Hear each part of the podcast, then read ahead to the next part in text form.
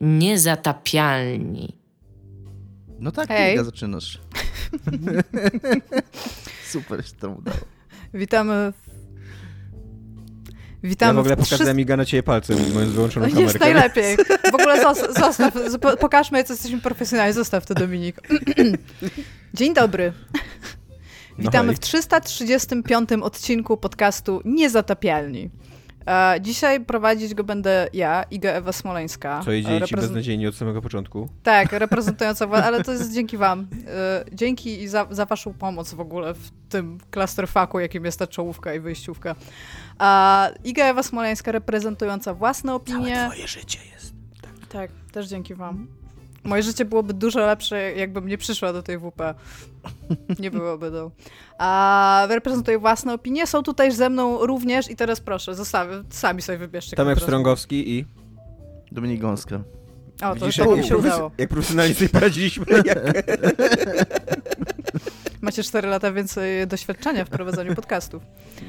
A jako, że y, formuła Dominika była po prostu tak przypyszna i fantastyczna w ostatnim podcaście i wasza po prostu skrzynka nasza mailowa się zerwała od tego, jak chwalicie Dominika e, za jego wkład w odcinek taki hybrydowy, to jest ten popularny teraz, e, taki jeżeli chodzi o socjologię, a, który był w połowie newsowy, a w połowie py- pytaniowy, tematyczny. E, to ja Był w postanowiłam jednej ściągnąć trzeciej tematyczny, To. No, to a w dwóch rzeczywiście. trzeciej sobie.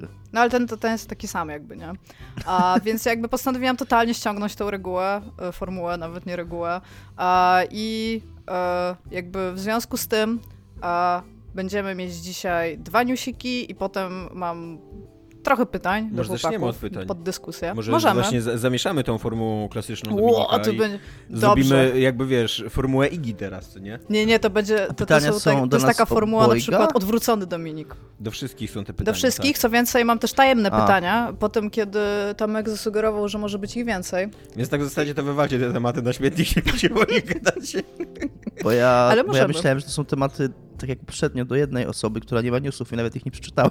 Są to na szczęście takie pytania, pytania, e, Dominik, że jesteś w, masz już Okej. na ich temat, myślę, wyrobioną opinię, albo jesteś w stanie wyrobić ją sobie podczas dyskusji, Dobrze, co tak lubią zostawię, nasi to nie słuchacze. będę ich czytał, nie będę ich czytał, pozostanie to dla mnie niespodzianką. Wszystkie Dobrze. pytania będą dla mnie sekretny, sekretnymi pytaniami. Tak, były, były czarno na białym w mailu na samym dole i jakby Tak, ukryłam je przed tobą bardzo skutecznie.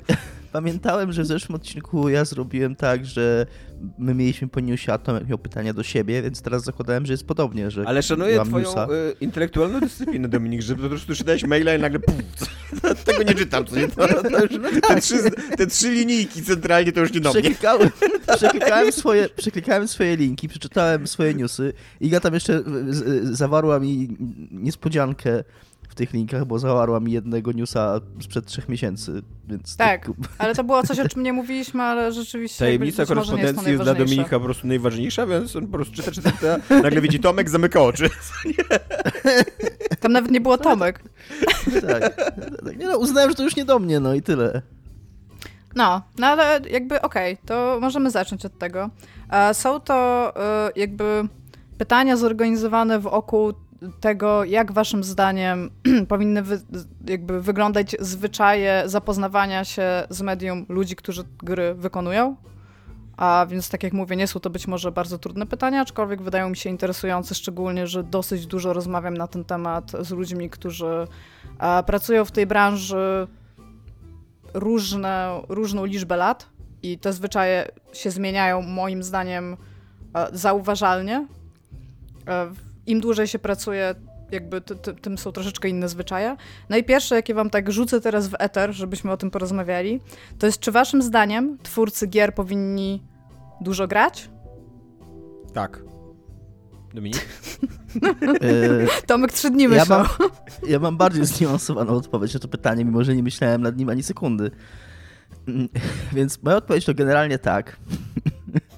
E, i- Dziękuję. i Do drugie pytanie. Uważam, że, uważam, że podobnie jak, jak pisarz powinien czytać, filmowiec powinien oglądać filmy, no choćby po to, żeby mm, wiedzieć, co powstaje, wiedzieć, co już zostało wymyślone. Znaczy, żeby wiedzieć- poznawać po prostu język medium. y, i Wiedzieć, wiedzieć jakby- jakie są tropy.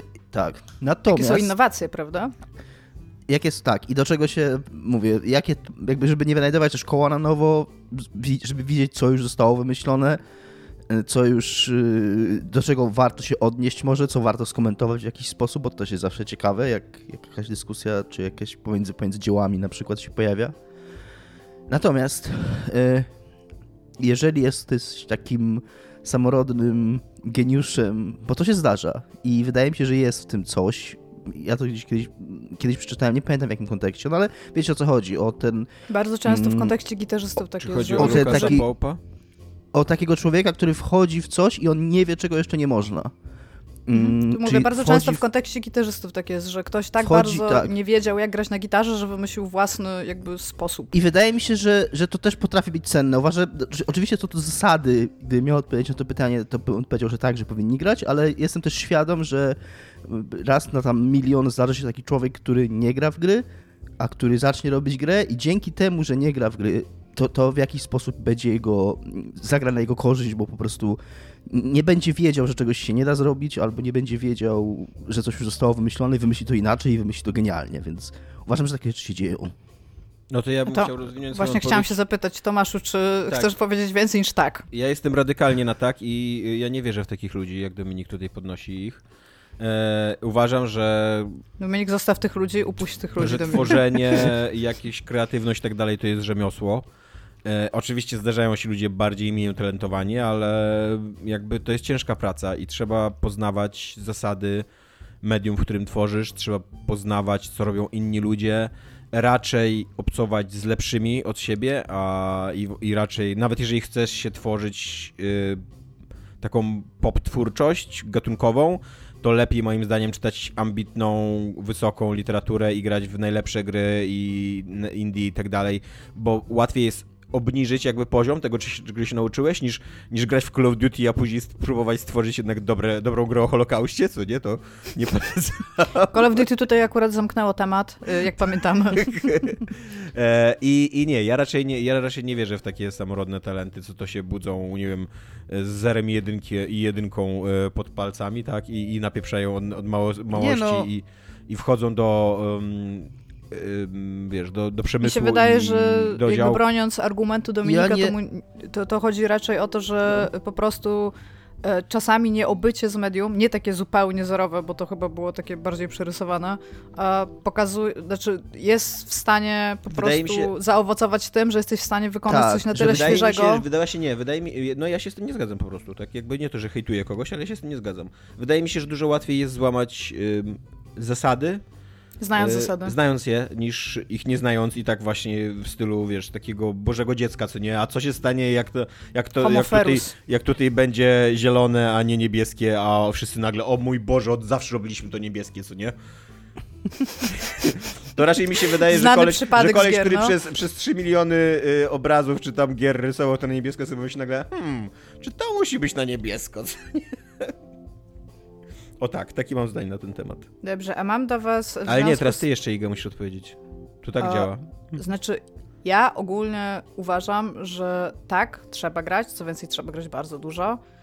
O ile zgadzam się po części z tym, co powiedziałeś Tomaszu, to uważam, że trzeba grać w różnego typu produkcje, nie tylko jakieś e, jakby uznawane za, za najlepsze, tylko trzeba szukać i szperać i naprawdę czasami jakieś takie to prawda, że czasami... giereczki na jeden gimmick tak. po prostu pokazują ci ten jeden gimmick zrobiony 300 razy lepiej I czasami niż gra, nawet która... w pośrednich grach znajdujesz jakieś takie diamenty, że tak, sama tak, gra tak. jest do wyrzucenia, ale to sobie myślisz, o, ale, ale jakiś jeden patent jest super, no. Tak, tak, tak. No i właśnie ja uważam, że im więcej się, tak, że tak powiem, zje, tym więcej zostaje w człowieku. Tylko znowu, jakby prawdopodobieństwo, że trafisz na coś fajnego w dobrej jest książce ryzyko. jest większe niż że trafisz na coś tak, fajnego tak, w ale jakby, jakby wciąż sądzę, że e, jakby stety i niestety w tym momencie mamy tak nasycony rynek, że trzeba czasami poszukać, że tak powiem, w tych najniższych partiach jego i tam przejrzeć w tych, te, te, jakieś takie koszyczki z najmniejszymi giereczkami, żeby, żeby po prostu, że, że tak nawet dla wyczyszczania palety, nie? Żeby, żeby odejść od tych e, jakby naj, najbardziej promowanych krytycznie, że tak powiem, tytułów. Ale tutaj mam do was też takie pytanie, bo kiedyś Gabe Newell się na ten temat wypowiadał. Nie pamiętam w związku z czym, ale no, był to jeszcze jakiś taki live talk, więc przed pandemią. I on powiedział, że jego zdaniem e, twórca gier, co jest teraz takie trochę ironiczne, jak pomyślicie o Gabe Newellu i o tym, jak, ile tych gier teraz tworzy Valve, że twórca gier, jego zdanie, powinien grać w gry przynajmniej 20 godzin tygodniowo. On podał taki, jakby taką, e, taką granicę, która jego zdaniem jest minimum i jakby waszym zdaniem istnieje jakaś granica czasowa, czy raczej na przykład ile gier się przechodzi w jakimś okresie? Czy, czy znaczy... jakbyście to przyszpili? Ja uważam, że po tym, jak żeście się zesrali na moją wypowiedź, nazwaliście po prostu totalnym, totalnym dyletantem i człowiekiem, który po prostu gówno wie i w dupie był i w ogóle nie zna się na niczym. Friendship over, kurde. To chciałem powiedzieć, że... że Popłakał się, Dominik się popłakał. bardzo przykro. Już więcej się tu nie pojawię. Boże, się popłakał. I że straciliście nie tylko współprowadzącego, ale także przyjaciela.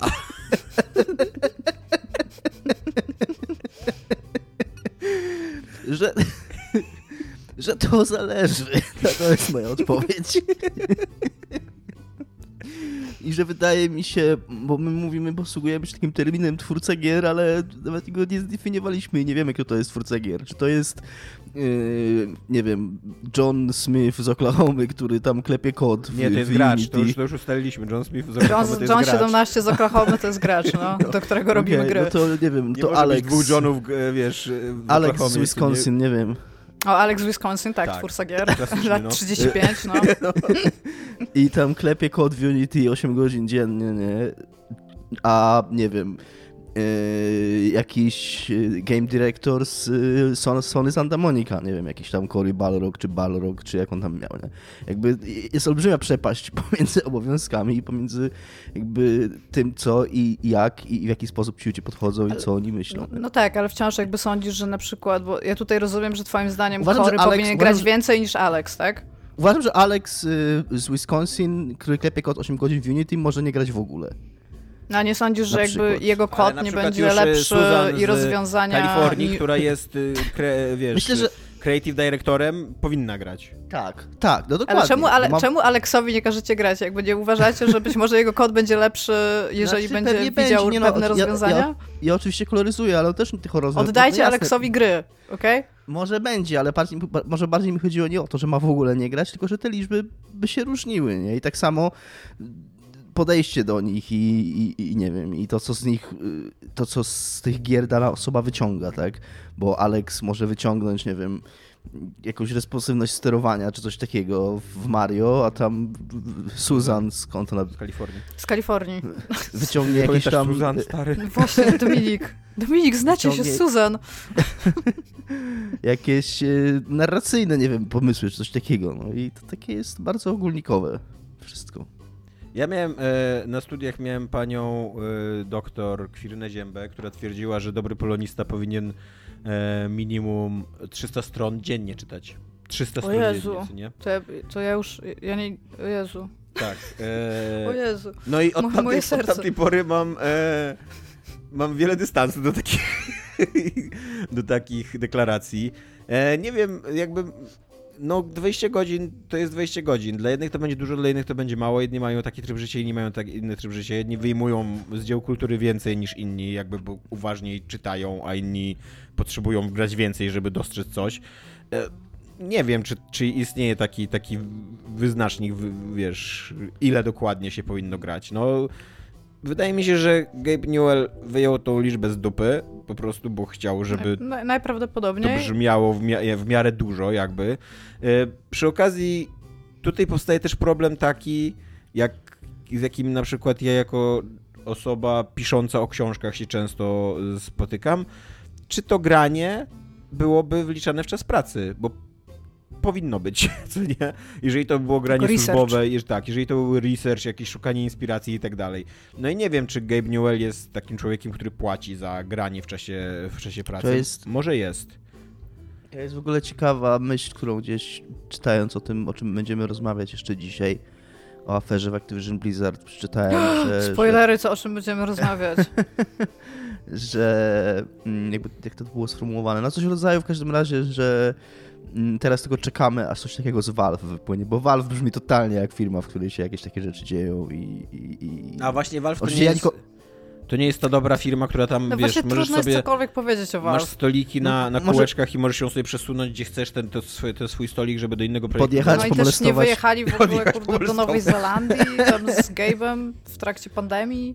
Nie siedzą na jakimś No, jachcie w ogóle. To... Trudno jest cokolwiek powiedzieć o pewnie, tej no. firmie, nie?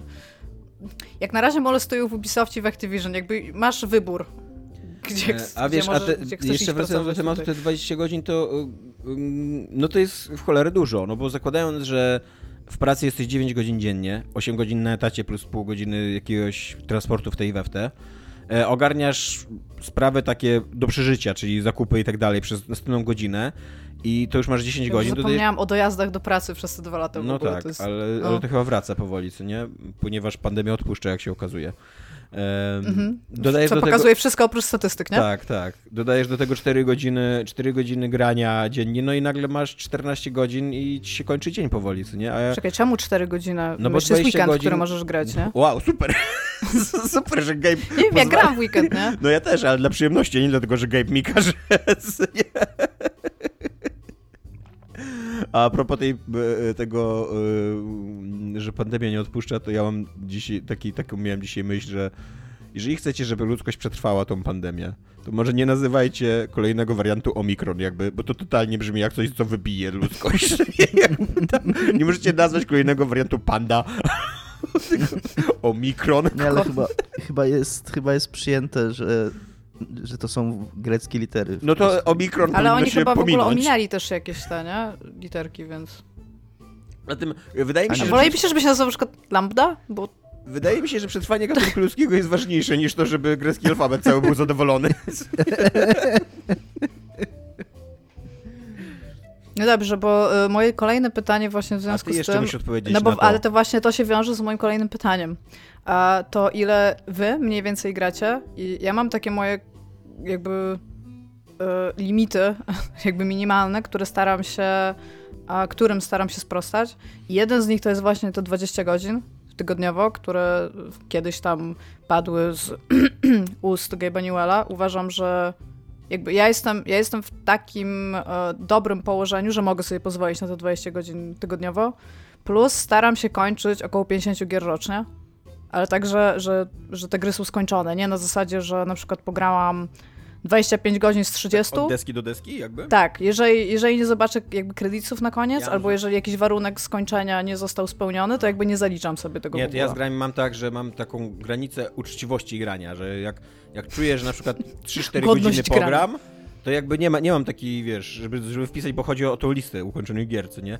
To nie mam tak, że, ym, że jak z książką, że muszę ją skończyć, tylko 4 godziny i tak sobie myślę, okej, poznałem już tą grę, nie chcę jej kończyć, bo tam pewnie będzie trwała 70 godzin, jak teraz wszystkie gry, ale te, te, te jakby już ją wpisuję na listę, co nie? To ja właśnie, ja tak, ja tak zupełnie nie mam, ja tylko ukończone gry wpisuję na listę, więc te 50 godzin rocznie, 50 godzin, 50 gier rocznie staram się skończyć. Jeszcze mi dużo zostało do końca tego roku, bo miałam 4 miesiące trochę wyrwane z życia i e, no będzie trudno, aczkolwiek postaram się dać radę i się właśnie chciałam zapytać was osobiście, jak, czy wy macie jakiś taki minimum, czy macie to centralnie w nosie, czy, czy, czy jak?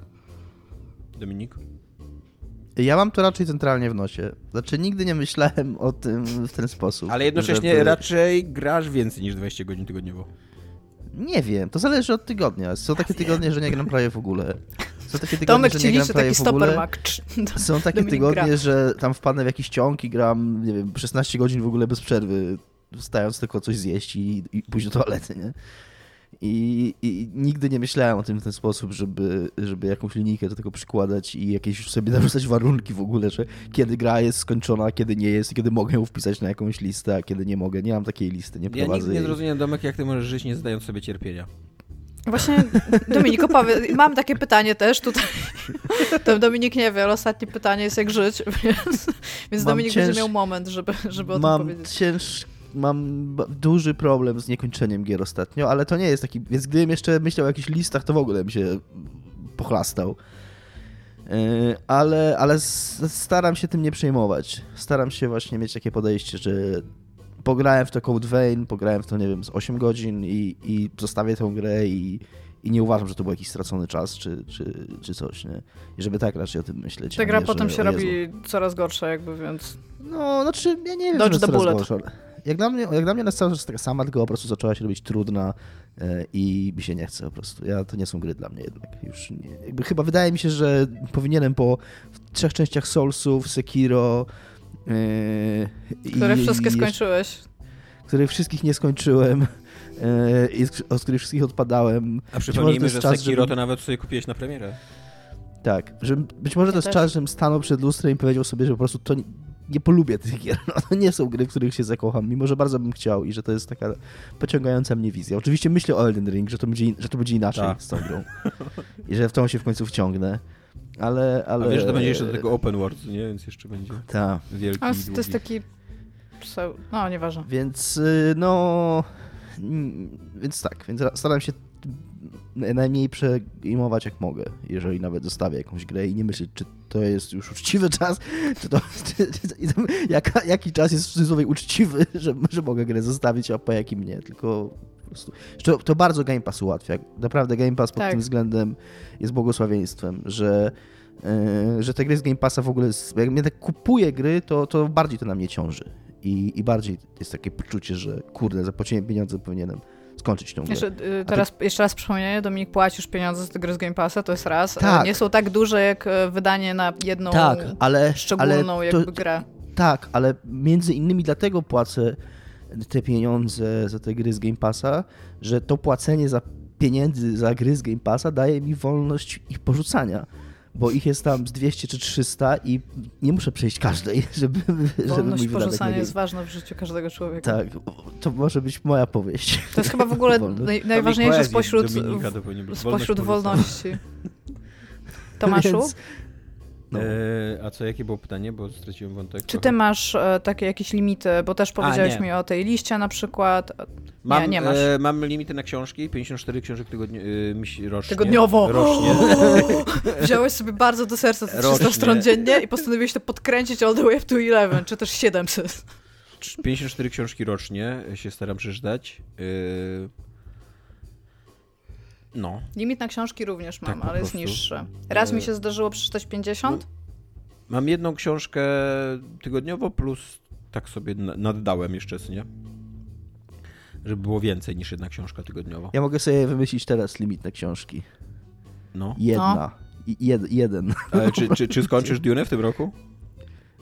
Nie, to jest po prostu jeden. Nie, nie powiedziałem na rok czy coś. Po prostu, po prostu jedna książka. Ale zasadniczo, zasadniczo już kiedyś mówiłem, że od kiedy przestałem pracować w wirtualnej Polsce, to odkryłem na nowo radość z, z mm, obcowania z kulturą i że mogę czytać co chcę i mogę w miarę grać w co chcę i kiedy chcę i już nie piszę zbyt wielu recenzji i tak dalej. E, więc nie, więc staram się nie mieć żadnego limitu. Nadal wydaje mi się, że bardzo dużo czasu na to tracę i jakby nie mam żadnych wyrzutów sumienia, że za mało czy coś, więc Jest w ogóle taki okres przejściowy po tym, kiedy się dużo recenzji pisze, jak już możesz grać w gry tam dla siebie, gdzie musisz się wyzbywać tych wszystkich Tak. takich nawyków, które miałeś. I to jest, to jest bardzo zły okres i te gry, w które grasz w tym okresie, strasznie na tym cierpią. A Tak. potem ta każda kolejna jest już taka very cool. Taki okres radzenia sobie z traumą Ja recenzencką, mam, ja, mam tak, roboczo. ja mam tak z Mario, że mm, jak odszedłem, znaczy odszedłem, no jak przestałem pisać dla Poligami chyba ostatnio pisałem, tak mi się wydaje, z serwisów growych. Tak na trochę bardziej poważnie. Eee, to, to akurat grałem w Mario i się super bawiłem w to Mario, ale musiałem sobie tak pokonywać taką myśl, że Tomek, nie marnujesz czasu, dobrze się bawisz po prostu. Nie, nie musisz grać w nic poważniejszego, jakby nie ma żadnej recenzji do napisania. Mario jest okej. No, i jeszcze taki, e, taki głupi odruch e, notowania sobie czegoś na boku, że coś mi się tutaj nie podoba, Tak. pyk, dobra. A to jeszcze idąc jakby za tokiem tego pytania, zadam w takim razie Dominikowi, który nie ma takich list i nie ma żadnych limitów, takie pytanie, co jest grane, Dominik? Yy, tak. Mm, więc jak już mówiłem Game Pass i jak już mówiłem zostawiłem Code Vein i zostawiłem też Scarlet Nexus, który też... Ech, Tak. To jest, to jest, Jakby moja, tak. to jest moja opinia na temat tej gry. To jest na pudełko idzie. To będzie, to będzie takie, jak są książki dziecięce, że kliknij, żeby usłyszeć dźwięk zwierzątka. To będzie takie kliknij, żeby usłyszeć recenzję Dominika. I będzie,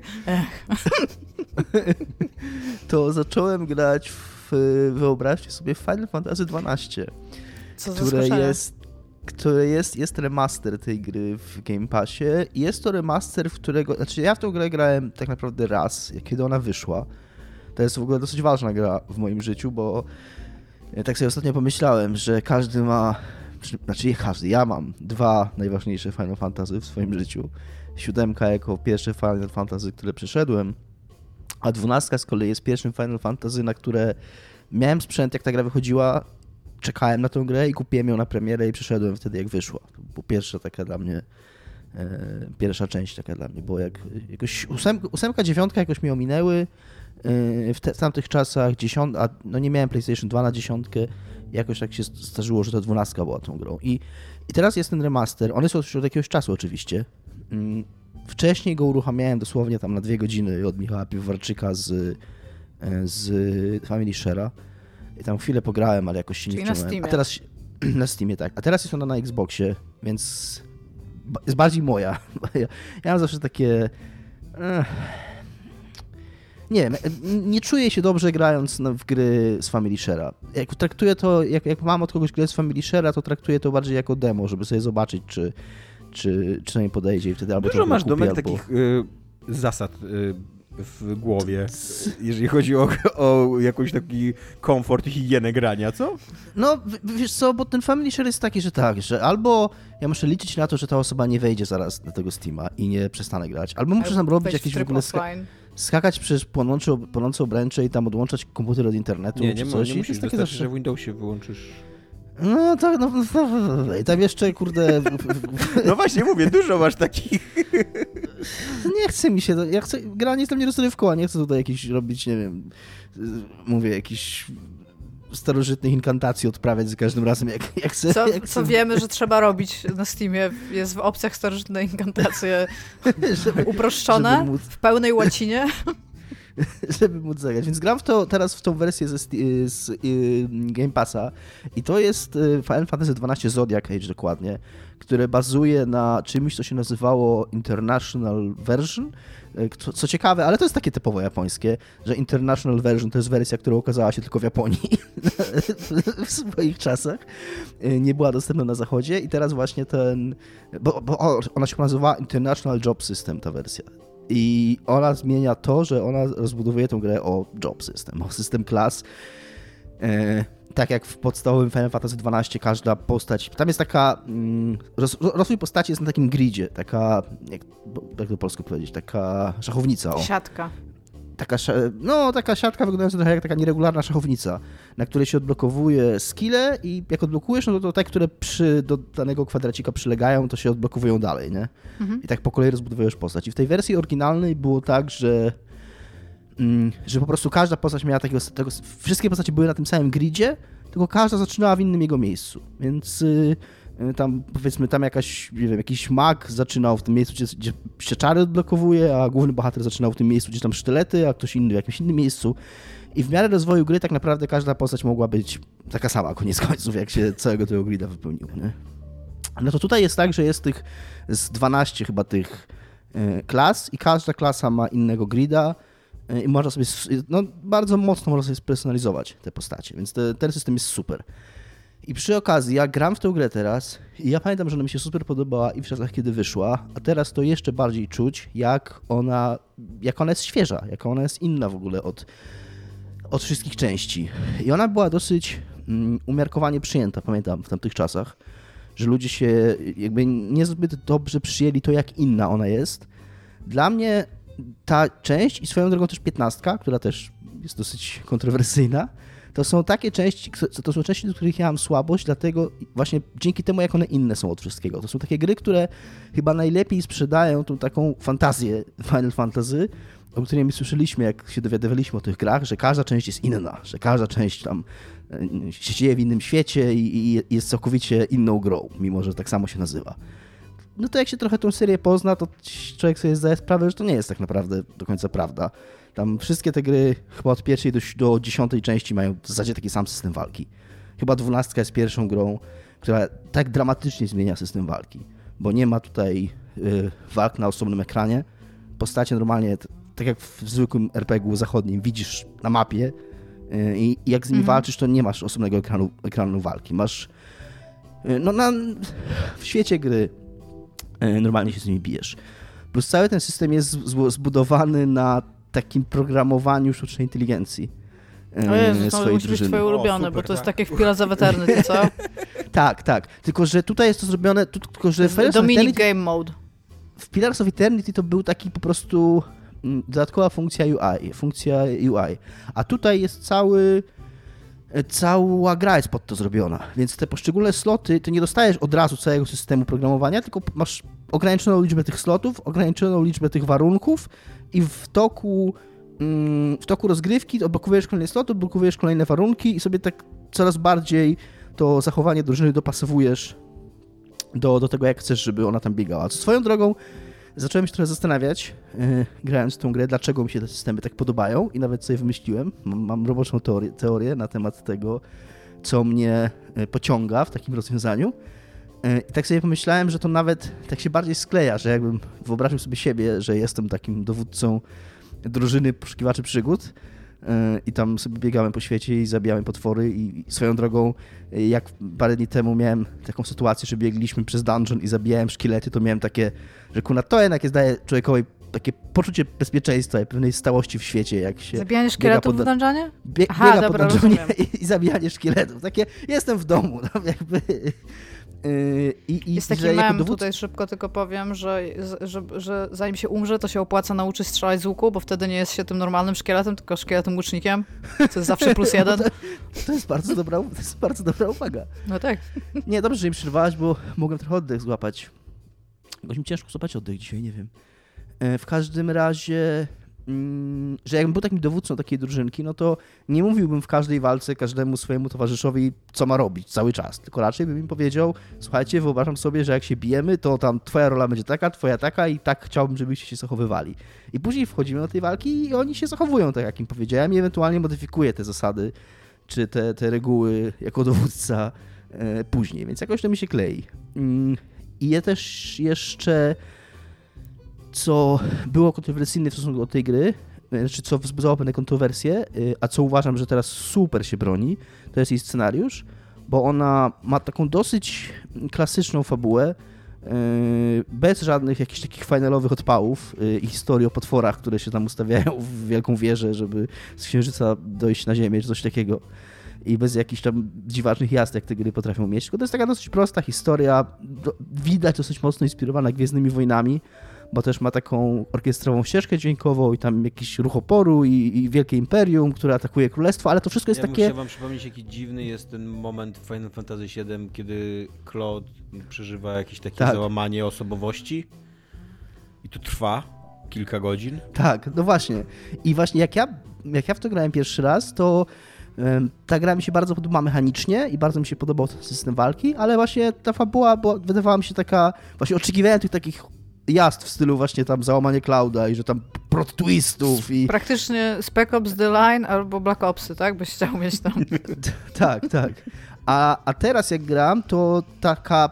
Mm, to jest prosta, ale bardzo efektywnie... Przejrzysta. Tak, mm, przejrzysta, dokładnie. Tak masz, masz historię, którą masz bohaterów, których rozumiesz, które jakieś tam te machinacje polityczne są sensowne, mają dobre dialogi, bardzo fajnie przetłumaczone takim dosyć szekspirowskim językiem. Takie określenie słyszałem.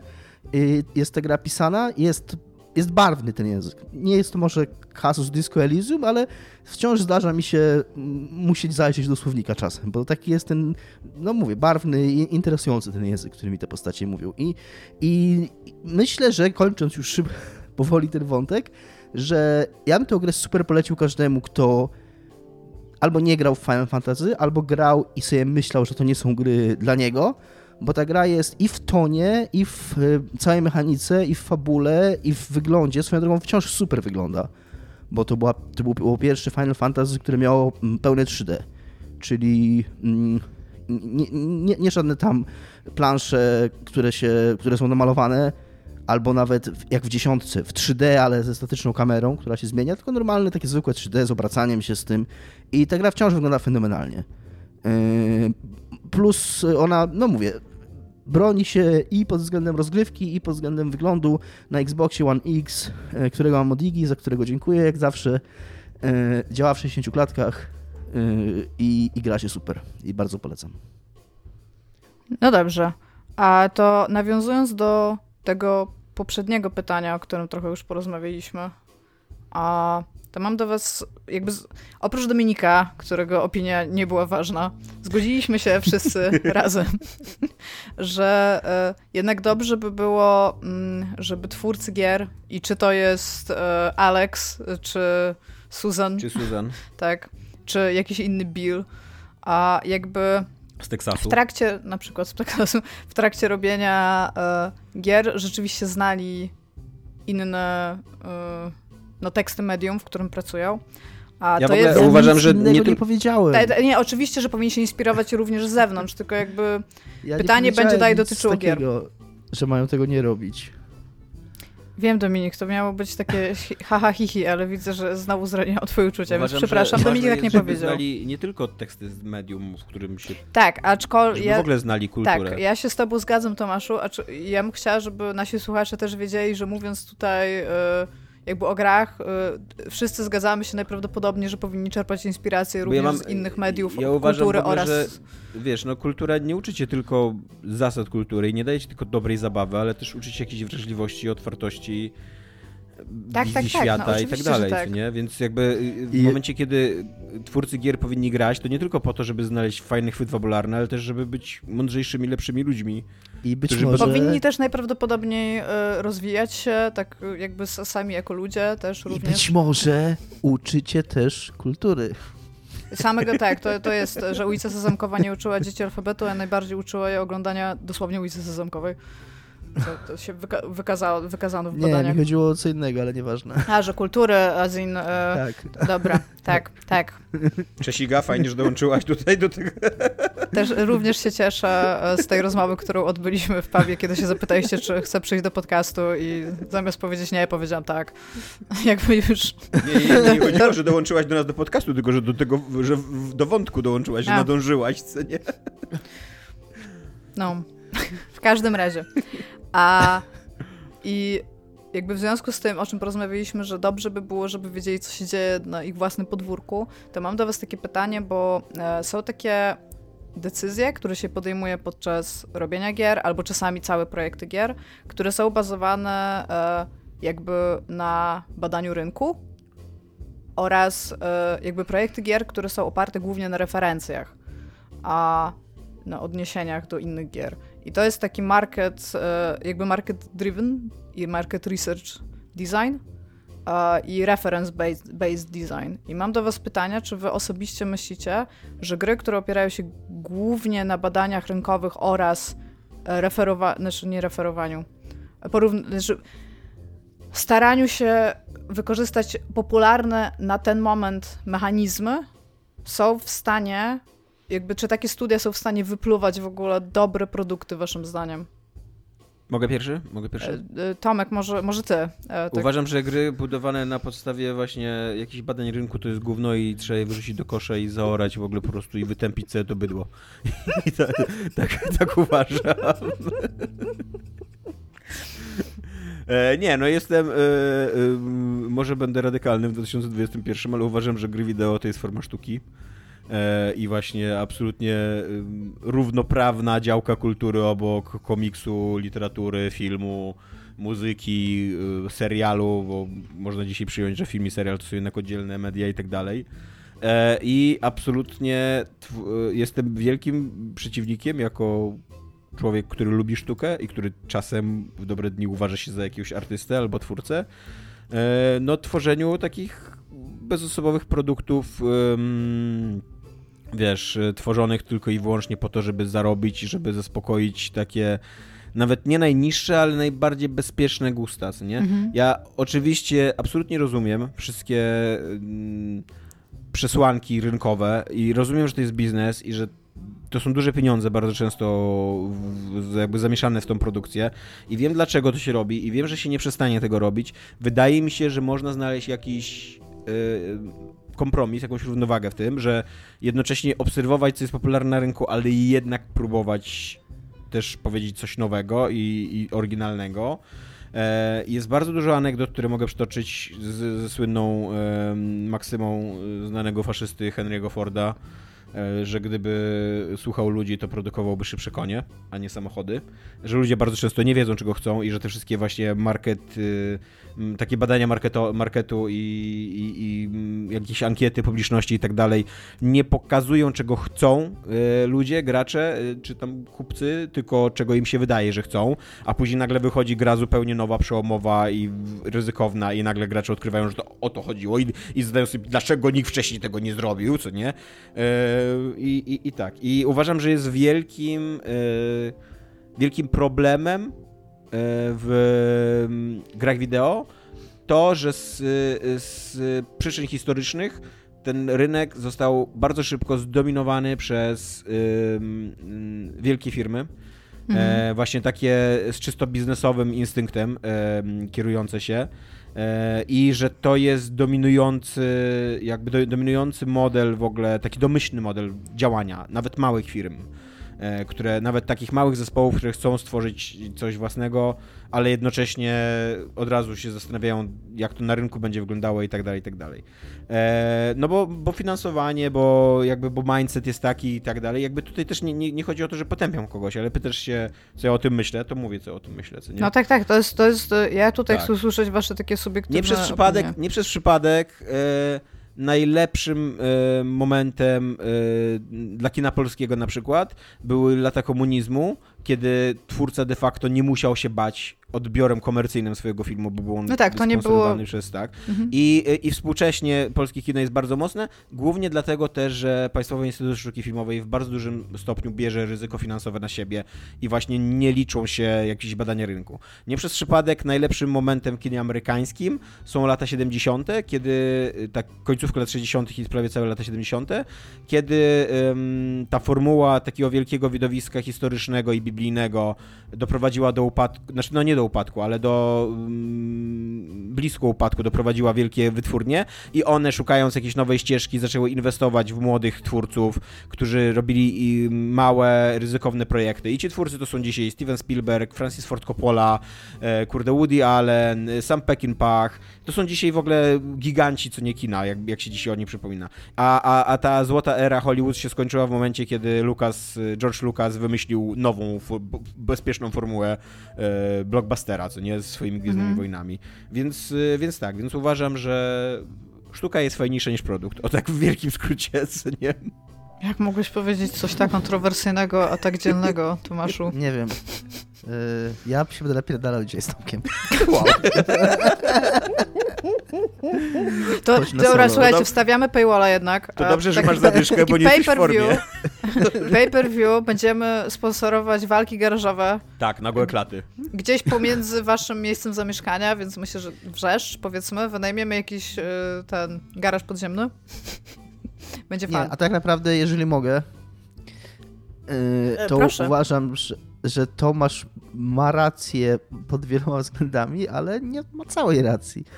Yy, ostatnio czytając sobie o, i oglądając sobie o Game Awards, i o nominacjach, e, usłyszałem taką dosyć ciekawą myśl na temat tego, że Forza Horizon 5 nie jest nominowana do mm, najlepszej gry roku i autor czy autorka tej wypowiedzi stwierdziła, że, mm, że w sumie jest pewien, jest pewien e, e, bias. Taki, Uprzedzenie uprzedzenie, o, uprzedzenie do umieszczania gier wyścigowych i sportowych yy, w, jako, nomin, jako pretendentów do tytułu gry roku. Że mimo, że taka Forza Horizon 5 w tej chwili jest najwyżej oceniana gra yy, tego roku yy, i jest to fenomenalna produkcja, to nie jest ona... Co to za inny No bo ja przepraszam, bo ja mam taki problem z Forzą, nie? Ogólnie jakby Ja też mam problem z Forsą. Jakby, znaczy tak, to jest inny, to jest, to jest, to jest to też. Ale, ale jeżeli chcecie rozwiązać nasze problemy z Forsą, to istnieje coś takiego jak I Patronite. Patronite, tak, zapraszamy. A, i to jest przejście roku, kurde. Nie, bo ja mam, e, ja mam coś takiego, że jakby no obviously od czasu jak e, Forza jest na Game Passie, a to tam sprawdziłam ją, i jakby ja, ja, ja nie rozumiem po co jest ta gra. W sensie, ja, ja rozumiem, Żeby że, że są ludzie, którzy lubią No, w to grać i tam okay. ale ona jest jakby te gry są prawie takie same. Jakby zaraz mi ktoś powie, o, bo ta wygląda lepiej, o, bo ta jest w Meksyku, a nie w Londynie była, tak? No ale Chyba właśnie o to mi chodzi. Wielkiej Okej, Brytanii. I jakby, okej, Iga, ale, ale nie, poczekaj, i mam... Nie, to ty poczekaj, Iga, to Domek mówił. właśnie chciałbym skończyć moją, chciałbym skończyć moją wypowiedź. Rozumiem, że- taka czy, czysta Jestem prowadzącym. Wychodzi, Właśnie- co nie, ale ja no panu nie jeszcze- przerywałem, ale to pani mi przerwała. Jeszcze, jeszcze w dodatku, no dobrze, no tobie, tobie nie pykło, no mi się super ta gra podoba i super mi się w nią gra. To jest taka super odprężająca gra, którą sobie włączam właśnie jak nie chcę siadać na kilka godzin, tylko sobie odpalę trzy wyścigi, pojeżdżę sobie samochodem i to jest ładne i fajne i y, cieszy się dużym powodzeniem ta gra w każdym razie. E, Podobnie jak gry sportowe, FIFA. Czy FIFA 22 jest sztuką? Nie wiem. Wydaje mi się, że nie. Wydaje mi się, że bardzo trudno byłoby obronić tezę, że Forza Horizon, jeszcze Forza Horizon może trochę, ale, ale Ale Horizon FIFA... naprawdę bardzo ładnie zrobione GUI, w sensie naprawdę, dobrane kolory, Jest to, są kształty, to ładne gry, ten, accessibility, ale to nie, jest, jest, to ale to nie jest super, nie? sztuka. a- Ale to nie jest sztuka w tym sensie, co nie wiem, co Obradin albo co nawet Bioshock Infinite, tak? Czy tam Spec Ops The Line, czy, czy, czy jakiegokolwiek innego indyka. Gry są bardzo różne i spełniają bardzo różne role i uważam, że skreślanie jakby tak kategoryczne jak Tomasz, y, stawianie sprawy, że y, y, jakby i, i, i, i oddawanie całkowicie pola tym takim, że gry to sztuka i już, i mają być sztuką, i Nie, mają nie, ja, być ja, y, ja tak nie mówię, jakby. I mają być odważne i mają coś mówić. A właśnie uwa- uważam, że i to jest jakby clue mojej myśli, że w przypadku gier takich jak Forza Horizon, jak y, FIFA, jak nawet y, Call of Duty Warzone czy Apex Legend, takie podejście do designu, które bazuje na jakichś badaniach rynkowych, na, na obserwowaniu trendów, na patrzeniu na to, co się robi, wszelkiego rodzaju gry sportowe. W przypadku takich tytułów nie widzę absolutnie nic zdrożnego ani, No dobrze, ani ale niewłaściwego w wracając do twojego- się tym, co... argumentu, e, w sensie wracając może nie do swojego argumentu, tylko wyjście jakby do tej historii, którą opowiedziałeś, czyli tego, że nie jest e, nominowana do nagrody gry roku, no to jakby to chyba dobrze, że nie jest, skoro jest grą No opartą na badaniach rynkowych, to czemu miałaby być grą roku? No, Jakby oczywiście podoba Nie się chcę- ludziom, bo miała Dobra, się podobać, nie chcę- that was the only goal here, tak? nie Jakby- chce mi się dyskutować w tej chwili o, na temat y, Forcy Horizon, bo widzę, że masz bardzo radykalną opinię na jej temat.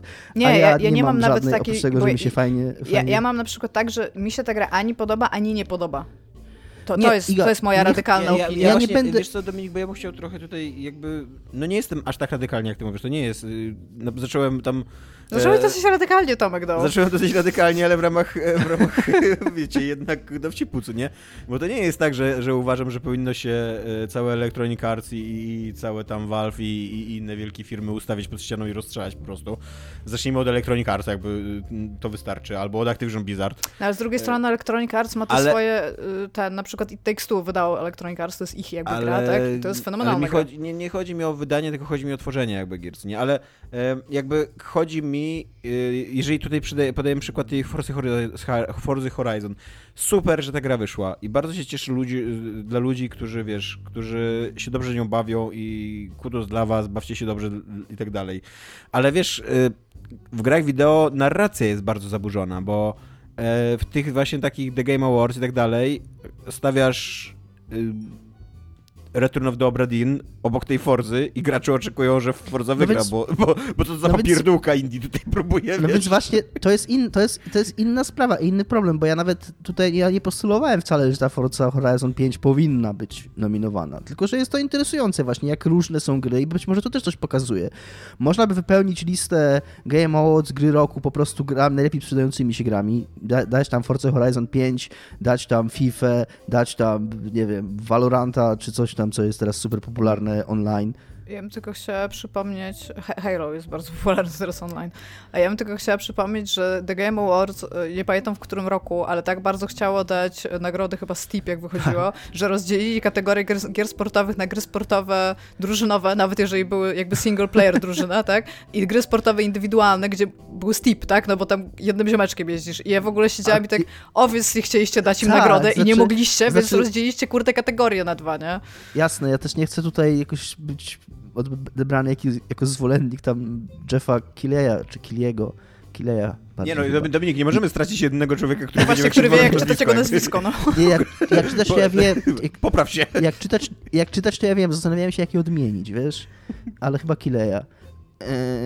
Yy, yy, jakby nie jestem jakimś zwolennikiem tego show, to jest show jak każdy inny, no jemu się udało, on jest dobry w promowaniu siebie przede wszystkim, to jest chyba ważna cecha wśród Prawda. takich I, ludzi. On ma swoją własną nagrodę z tyłu na szafce. Jak, tak. jak ma streamy. Więc jakoś tam udało mu się takie, takie um, utrzymać to taką, takie wrażenie, że nagrody są ważne w jakiś sposób. On jest dobry w promowaniu siebie ważne. i Hideo Kojimy. Tak, ja cały I czas czekam na, na pocałunek z otwartymi ustami. Tak, totalnie. No. No ale w każdym razie chodziło mi o to, moja centralna myśl była taka, że te, ten tytuł gry roku, tę kategorię, te kategorie można by wypełnić samymi grami indie, samymi grami AAA, nawet samymi grami sportowymi. To się wszystko da zrobić to się wszystko dałoby jakoś tam obronić. Yy, więc takie kategoryczne stwierdzanie, że, że podejście mm, data-driven czy market-driven, czy jakkolwiek to nazwać, jest zawsze niewłaściwe, to zależy jaka to gra jest tak naprawdę. No i to jest moja zniuansowana. Ale wyobraź sobie, y, jakie gry by, robiły, by robił zespół od Forzy, gdyby mógł zrobić coś szalonego, kreatywnego, fajnego, a nie, wiesz... Y, no taką grę właśnie dokładnie z jakiegoś takiego, nie wiem, kolejną część serii, bo to też jest taki, tak. taki patent, Wydaje mi się, nie? że oni zrobili taką grę, jaką chcieli zrobić. Mm, jestem prawie pewien, że przynajmniej 3 czwarte zespołu po prostu tam robi to, co im każą, a nie, a nie to, okay. co chcą. Myślę, że więcej niż 3 czwarte. Ale myślę, że to swoją drogą dotyczy każdej pracy wszędzie, więc to jest tak... tak, to prawda. A tylko, że jeszcze ja w tym pytaniu zawarłam jeszcze jeden rodzaj, jakby oprócz e, takich gier e, stricte opartych na badaniach rynku. E, co sądzicie na przykład o tym, że jakby siadacie z N osobami, tam powiedzmy 120 osobami, zaczynacie robić grę, którą nawet chcecie robić, ale każdą decyzję, którą robicie, to jest decyzja oparta na referencji do innej gry, która jest na rynku. No, też uważam, że to jest źle. Jakby uważam, że jeżeli się decydujesz tworzyć cokolwiek, to powinieneś mieć pewne decyzje, za które jesteś w stanie wziąć odpowiedzialność. I oczywiście jakby feedback w tworzeniu jest bardzo ważny i też nie możesz być jakimś takim uparciuchem, który odrzuca jakiekolwiek sugestie bo jak pokazujesz swój pomysł 20 osobom i wszystkie ci mówią, że to jest zły pomysł, to być może powinieneś się... Być może to jest jakby, zły pomysł, no. Być może to jest zły pomysł, ale też z drugiej strony, jeżeli tworzysz grę na przykład sam jeden i to jest tylko twoja decyzja oczywiście, jeżeli jesteś Mateuszem Skutnikiem i pokazujesz grę 20 osobom i wszystkie ci mówią, że to jest zły pomysł, ale ty jesteś pewien, że to jest to, co ty chcesz zrobić i że to jest gra, którą ty chcesz zrobić i nawet jeżeli to jest zły pomysł, to ty wierzysz w niego, to też powinieneś mieć jaja, żeby coś takiego zrobić. Bo ja tutaj jako taki przyczynek e, jakby... Ja nie jestem wielką fanką tego, że to jest ba bardzo często w ogóle w produkcji gier, czy mniejszych, czy większych, kiedy ktoś do ciebie przychodzi i mówi, zrobimy to tak, albo tak. ty mówisz, zrobimy to tak, bo tam było tak. Co więcej, mm, jeżeli na przykład masz grę, którą tworzy zespół, ale jakby koszty pokrywa e, wydawca, to oni też często chcą, dobra, gdzie to się sprawdziło, tak? Niestety, I musisz tak, pokazać. To jest taki, taki biznes, że tak, że zawsze musisz podać jakiś przykład. Tak, że to, i, jest, i to coś tam, jak coś tam meets something, tam tak. coś tam nas, coś tam, ale z takim twistem skądś tam, nas, nie? Nas jak, e, jak pitchowaliśmy mm, Heading Out, to najbardziej e, zdumiał ten taki właśnie paradoks pitchowania gry, że jednocześnie twoja gra musi być Y, taka, że masz bardzo bezpieczny zbiór referencji, które ten wydawca może zobaczyć, że okej, okay, to się sprzedało, więc ta, ta twoja gra też się sprzeda, ale z drugiej strony musi być bardzo oryginalna, ponieważ zwłaszcza po grach indie się spodziewasz właśnie, że każda będzie miała pomysł na siebie, mm -hmm. taki twist, co nie? Więc, tak, tak, więc tak. Musisz zrobić jednocześnie bardzo bezpieczną i bardzo oryginalną grę. Tak, i na przykład mnie osobiście bardzo to denerwuje, bo jakby ja wierzę w fakt, że jeżeli jesteś w stanie zaprototypować coś i to dobrze działa i jakby masz dobry odbiór tego wśród testerów, tego jednego rozwiązania i nie ma referencji do tego, w sensie To jest coś, co ktoś wymyślił na papierze, potem to zdesignował i potem mamy to jakby w prototypie, to jakby nie potrzebujesz pokazać pięciu referencji, gdzie to było użyte, żeby, żeby to było dobre, bo to po prostu jest dobre, tak? Ale z drugiej strony masz na przykład taką grę jak Horizon Zero Dawn, w której tylko kształt jakby historii, jej opowiedzenie i fakt, że to jest niedurna historia, jakby jest nowe, bo cała reszta to są no, jeden do jednego gry Ubisoftu różne, nie? No, oczywiście oprócz artu. A więc jakby jesteś w stanie zrobić dobrą grę, która coś tam pokazuje i coś tam mówi, opartą w 100% na referencjach, nie? Domek jeszcze się nie wypowiedział w tym temacie. Mm, mi się wydaje, że się już powiedziałem, że to jest cały czas ten sam temat. po prostu. No, trochę jest, tak, tu się zgodzę. No, że no, wydaje mi się, że teraz wręcz Iga potwierdziła to, co ja mówiłem, a z czym na początku się nie zgodziła. Znaczy, bo ja mówię, że mam taki przykład gry. Mówię też, że osobiście bardzo tego nie lubię, tak? Więc jakby, czy da się zrobić grę w ten sposób? Da się. Co więcej, większość gier jest tak robiona. Jeżeli chodzi o taką perspektywę czysto, nie wiem, y, insiderską, no to wydaje mi się, że to jest nie do przejścia, nie do obejścia w, w tworzeniu gier. Bo y, bo już tak mocno jest ograny ten schemat właśnie takiej referencji czegoś innego do, do wszystkiego, co ty pokazujesz i próbujesz zrobić, że no autentycznie, jeżeli sam nie robisz tej gry i, i po prostu nie, nie masz w dupie tego, tego pipeline'a, który się, produkcyjnego, który się przyjął, no to po prostu nie, nie, nie zrobisz, tak, masz w dupie pipeline'a, Dominik docenił tutaj. bardzo, bardzo ładny. E, to po prostu... Ładny, to jest dokładnie słowo, którym to określiła, no. To, to po prostu nie zrobisz naszej gry. I jakby moim największym y, tutaj zastrzeżeniem nie jest to, że, że są wymagane te referencje, bo ja rozumiem, dlaczego to jest wymagane i rzeczywiście dobrze jest widzieć przykłady, kiedy coś zadziałało dobrze i tak dalej, tylko że te, że mm, często wymaganie tych referencji prowokuje, powoduje to, że nic innego nie jest, jakby, nie, że jesteśmy zamknięci na właśnie takie jak Dominik na, na samym początku naszej dyskusji mówił, takie podejście w stylu cudownego dziecka, co nie? Mhm. Że wy, wymyślmy coś zupełnie na nowo. Bo nie możesz wymyślić czegoś zupełnie na nowo za każdym razem, jak wszędzie musisz referencji no, wrzucać. No, chyba, że jesteś Jeszcze chyba, czasami jesteś rozliczany z tych referencji. To jest, tak. kurde, najgorzej. Czyli, że teraz ja przyznałem Dominikowi rację. No, tak wychodzi. Albo Lukasem Połpem pomoże, a Mateuszem Skutnikiem. Tak. Lukas Pope pomoże. Czyli papież pomorski byś powiedział? Trochę tak. Dobrze. A to teraz jakby y, biorąc to ogólne doświadczenie, o którym staraliśmy się mówić, ale przenosząc je na konkretnych y, ludków, którzy te gry tam produkują dla tych art dyrektorów i tych e, creative dyrektorów i kogokolwiek, kto jest osobą decyzyjną w tych większych firmach.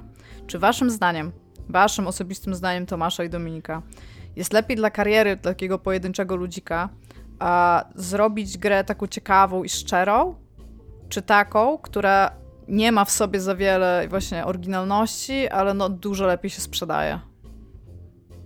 Ale dla kariery? Zdecydowanie. Dla kariery, stricte dla kariery. No to zdecydowanie Zdecyd... gra, która się lepiej sprzedaje. Zdecydowanie gra, która jest ciekawsza i, e, i ta druga, wow. to dru, druga odpowiedź. Bardziej szczera. Bardziej szczera. Nie, ja naprawdę tak uważam, bo uważam, że jeżeli gra się, tak że, to, że, się, że to, że gra się dobrze sprzeda, to ma znaczenie dla producenta i wydawcy tej gry, a nie dla człowieka, który przy niej pracował. A jak on później pójdzie do pracy, albo będzie szukał pracy, albo będzie próbował siebie zareklamować, to dużo ważniejsze będzie, co wcześniej zrobił i jaki miał ciekawy pomysł na tą grę i jaką miał wizję, a nie to, że był jednym tam ludkiem z wielu, który zrobił Call of Duty. Bo w sensie wy wcześniej dużo mówiliście, mało mówiłam. Z mojego doświadczenia i z tego, jak mi się wydaje, że działa w ogóle ten rynek, i to rynek globalnie, nie mówię tutaj europejskim, a nawet polskim, jest tak, że firmy, które są takimi właśnie molochami, będą prędzej chciały zatrudnić osobę, która zrobiła grę, która się lepiej sprzedała, w sensie taką rozpoznawalną grę na rynku. Natomiast mniejsze i średnie studia, które chcą zrobić coś bardziej oryginalnego i ciekawego, to dla nich to nie będzie żaden, e, że tak powiem, motyw sprzedażowy. Dla ciebie. No tak, no że... to, to prawda, no to zależy czego szukasz w tej swojej karierze. Tak, jeżeli chcesz jakby do końca życia robić dym w Assassin's Creedzie albo w Call of Duty, to tak, to jak najbardziej opłaca ci się ten dym zrobić wcześniej e, w Far Cry'u, tak, powiedzmy. I wtedy jesteś bardzo dobrym źródłem od dymu, nie? Ale jeżeli przyjdziesz z tym samym CV do firmy, która e, jakby... Myślę, że Alex, przepraszam, Alex z Wisconsin zajebisty, zajebisty dym rzeźbi. Tam. To on jest tam programistą fiksiarzem, to, to, to jest No, dobre, ta, ja do, powiem tak, bo, dwuklasowość. Trochę mnie, trochę mnie przekonują wasze argumenty, więc to też nie jest tak, że tutaj jakieś mam bardzo, bardzo radykalną, silną, silną opinię, ale mi, wydaje mi się, że człowiek, który robi dym w Call of Duty zawsze będzie miał silniejszą pozycję na rynku, obojętnie czy to jest indie rynek, czy AAA rynek, czy AA rynek, czy II rynek, czy w ogóle FZX, co nie? E, będzie miał silniejszą pozycję na rynku niż człowiek, który robił e, dym w It Takes Two. Tak, aczkolwiek e, to, co tutaj chciałam powiedzieć, ziomeczek, który robi dym, e, to jest jakiś bardzo, tak, Swoją drogą, przepraszam, Forza Horizon 5 ma super dym. to jest bot Alex, Alex, Alex, dobra czapki z robota, głów no po tak. prostu, no. E, bo właśnie chciałam powiedzieć, że ziomeczek, który robi dym, to jest bardzo techniczna, techniczna funkcja, nie? Ale teraz, jeżeli miałbyś zatrudnić e, osobę, która na przykład projektowała e, misje, questy, e, dialogi e, pisała albo coś takiego i wziąłbyś e, albo nawet tam creative dyrektora, albo e, nie wiem, osobę e, odpowiedzialną za jakieś e, koncepty albo coś takiego i wziąłbyś taką grę typu powiedzmy Call of Duty, albo nie wiem, Disco Elysium, albo e, Darkest Dungeon, to jakby w tym miejscu te osoby z Darkest Dungeon albo z Disco Elysium będą dużo ładniej świecić, Na pierwszy, tak? na pierwszy rzut oka tak, ale na drugi rzut oka Darkest Dungeon to jest bardzo konkretny i em, osobny jakby, em, wiesz, projekt. Nie masz pojęcia, że taki człowiek się sprawdzi w jakimś innym projekcie, a Call of Duty, którego cykl produkcyjny trwa pewnie z 5 lat jednej części, więc tam trzy razy wymyślasz tą fabułę, 40 razy ją poprawiasz, a koniec końców ona i tak trafia zupełnie inaczej. I fakt, że ty potrafisz rozmawiać z wielkim zespołem, fakt, że mm, jakby umiesz... No, ale to wciąż, to ty mówisz wciąż o zatrudnianiu ciebie do dużej firmy. Nie, nie tylko do dużej firmy, do małej firmy też, chyba, że No ta mała firma chce po prostu doświadczenie stworzyć rozmowy z wielkim zespołem? Dark, dark Dungeoning, co nie? To wtedy pewnie zatrudnią... Darkest, Darkish Dungeon, no. Tak, to wtedy pewnie zatrudnią kolesiu od Darkest Dungeon, co nie? Eee, Mi tutaj chodziło o Darkest no, no, nie, Dungeon no, w ogóle, w ogóle umiejętności miękkie są mega ważne w pracy w zespole, co nie? I No ale umiejętności miękkie jakby wyciągasz bardziej ze średnich i małych studiów niż z wielkich studiów. Właśnie, nie wiem. Bo to jest właśnie, to, to jest bardzo dziwny asumpt w ogóle tej branży, że rzeczywiście, jeżeli miałby, miałbyś być zatrudniany Asumpt. do, do Ubisoftu, albo właśnie, nie wiem, do Infinity Ward, albo do Sledgehammera, to pewnie im większą grę zrobiłeś, tym jesteś bardziej na ich radarze, nie? Ale potem się właśnie okazuje, że jak chcesz iść robić taki trochę bardziej znaczący średni projekt, powiedzmy, albo nawet mniejszy, ale taki no, z pomysłem, to nagle to twoje doświadczenie przy tym e, Molochu X, nie wiem, drugiej części e, jakiejś na Totalnie, Dobry kurde, Sprzyj, albo wymyśliłaś części. zajebisty tytuł Moloch dla gry X. AA. Moloch X. po prostu. Dziękuję. E, Więcej laserów, e, jakby polecamy się na outsource. A to jakby będzie ci trudniej sprzedać siebie jako autora w momencie, kiedy na przykład, tak jak mówisz, w sumie to zrobiłeś tę fabułę, ale ona się zmieniła 40 razy i pisał ją zespół siedmiu osób i właściwie to twój był jakiś tam e, wiesz pierwszy ja, draft. ja, tutaj, ja tutaj właśnie ja tutaj nie disuję tego człowieka, bo to też jest ważne w, jakby w kreatywności i wiesz, tak, tylko mówię, że trudniej ci będzie siebie obronić na iterować, rozmowie. dostosowywać się, wymyślać jednak 40 fabuł zamiast, wiesz, jednej, której Znaczy, się trzymasz od początku Tomek, do końca. Tomek, ja wiem. Ja to osobiście wiem. Ja wiem, ja, ja tak nie do końca mówię do ciebie, tylko też do naszych słuchaczy, Iga. Tak, tak, tylko chodzi mi o to, że wciąż jakby twoje portfolio jest bardzo pod znakiem zapytania w tym momencie, bo po prostu jest mało odautorskie przez to, że pracowali w dużym zespole. I zdaję sobie też sprawę, że sam as, jakby aspekt pracowania w dużym zespole daje ci więcej doświadczenia w pracy w dużym zespole. Więc jeżeli chcesz przeskakiwać z dużej firmy do dużej firmy, robić od do jakieś konkretne zadania, które potem mogą trafić do kogoś innego albo wrócić do ciebie od kogoś, tak? To tam spoko. Tylko, że jakby y, im więcej zrobisz te, tego takiego mniejszego projektu, który nawet nie, nie do końca się dobrze sprzeda, tym jesteś bardziej konkretną osobą dla tych średnich ma- i małych firm, a w dużej firmie też jesteś w stanie się obronić, nie? Więc moim zdaniem w ogóle karierowo jest dużo lepiej zrobić mniejszą, mniejszą lub średnią grę niż wielki tytuł. To, to jest jakby moja, moja własna osobista opinia. No dobra. Tak? Okej. Tak. Obroniłam się? Udało mi się? Czy nie? Udało ci się udowodnić, że to jest twoja opinia. Tak. No dobrze. Masz bardzo przekonujące argumenty za tym, że wygłosiłaś własną opinię. Nie, bo to dla, mnie- dla mnie to było strasznie. e, I teraz, jak się mówi o to, też się mogę was zapytać, szczególnie ciebie, Tomaszu, bo ty, ty, ty mo, możesz wiedzieć. Jak jest pewnie. counterintuitive po polsku? Nieintuicyjny. No właśnie nie nieintuicyjne, bo counterintuitive to jest dosłownie nie, że nie jest coś intuicyjne, tylko że to jest odwrotnie do intuicyjności, nie? Nie mamy czegoś takiego po polsku, nie? Bo ostatnio Myślę, że szukałam kontrintuicyjnie tłumaczenia. to nie byłoby takie złe słowo. No to właśnie, jakby dla mnie to było strasznie kontrintuicyjne, bo zawsze jak o kimś myślisz, y, co, jak wychodzi na przykład informacja, że ta osoba pracowała przy A, B lub C i to są duże tytuły, które, które ludzie znają, to się wydaje właśnie takie, o, to jest tam y, jakby bardzo Może- cenny pracownik, taki nabytek tam cenny, a potem się okazuje, że to jest osoba, która właściwie tam robiła produkcję jakiegoś jednego tam zespołu, y, a teraz przyszła jako w ogóle ktoś zupełnie inny i to jest, to jest takie bardzo dziwne, i wydaje mi się, że to są najczęściej właśnie ruchy, na które mogą sobie pozwolić duże firmy, które mają dużo pieniędzy, a niekoniecznie te, te jakby tam średnie. I jakby mam wrażenie, że ci ludzie nie są super cennymi jakby nabytkami, tak naprawdę. A to może... Iga, Hmm. y, przyszło mi słowo, może takie słowo jak paradoksalne. Sprzeczne z intuicją. Ja właśnie się zapoznałem z opinią profesora polityki. Okej. Nice. Sprzeczny z intuicją. No ale wydaje mi się, że, że paradoksalne... Ale paradoksalnie... Paradoks- Jakby chyba spełnia tą samą funkcję, a nie jest tłumaczeniem. Tak. Może tak. to nie jest tłumaczenie, nie. Bardziej Mhm. mi chodziło o to, że to, to, to jest słowo, którego można użyć i w zasadzie będzie znaczyło mniej więcej Tak, ale paradoksalne musiał, musisz się upewnić, że dobrze w kontekście leży, co nie? A sprzeczne z intuicją znaczy dokładnie to, co counterintuitive. Iga, Dobra. co jest grane u ciebie? Chciałam tutaj zrobić disclaimer najpierw, ale ci, naj... ale ci opowiem. A u mnie ogólnie ostatnio jest grane Halo, e, ale grane jest Halo dlatego, że wcześniej było grane multi. e, Halo Iga, co jest tego- grane u ciebie? Infinite. halo, halo, Infinite. A, chciałam powiedzieć, że a, ja wpadłam w ogóle do jakiegoś takiego e, garnuszka e, Basic White Dude i sobie grałam w multi Call of Duty i wydawało mi od się... twojego typowego garnuszka Basic White Chick. To... No, niby tak. Ostatnio nawet sobie zamówiłam pumpkin spice latte. To jest fenomenalne, ile można wpakować cukru do kubka kawy. To jest wow, po prostu. Byłam sugar rush przez cały dzień. A co chciałam Do powiedzieć, tego masz to... e, białego, białego chłopaka z hipsterską brodą, więc totalnie jakby je, jesteście w tym zbiorze, co nie? Białych ludzi. No więc si- siedzę sobie wieczorem i sobie gram w Call of Duty, bo wydałam 250 zł na grę, co prawda na fakturę na firmę, ale wciąż wydałam 250 zł, a ta kampania powiedzmy, że tych 250 zł to nie udało mi z niej jeszcze wyciągnąć. Więc sobie siedzę jak normalny biały człowiek wieczorem w domu przed moim Xboxem i sobie gram w Call of Duty. I nawet mi się wydawało, że się fajnie bawię. Nie jestem za dobra w Call of Duty, ale się zrobiłam dużo lepsza. Szczególnie kiedy sobie wywaliłam tryby, które mnie nie bawiły. E, No ale jakby ziomeczki do mnie napisali i powiedzieli hej Iga, pograsz z nami w Halo?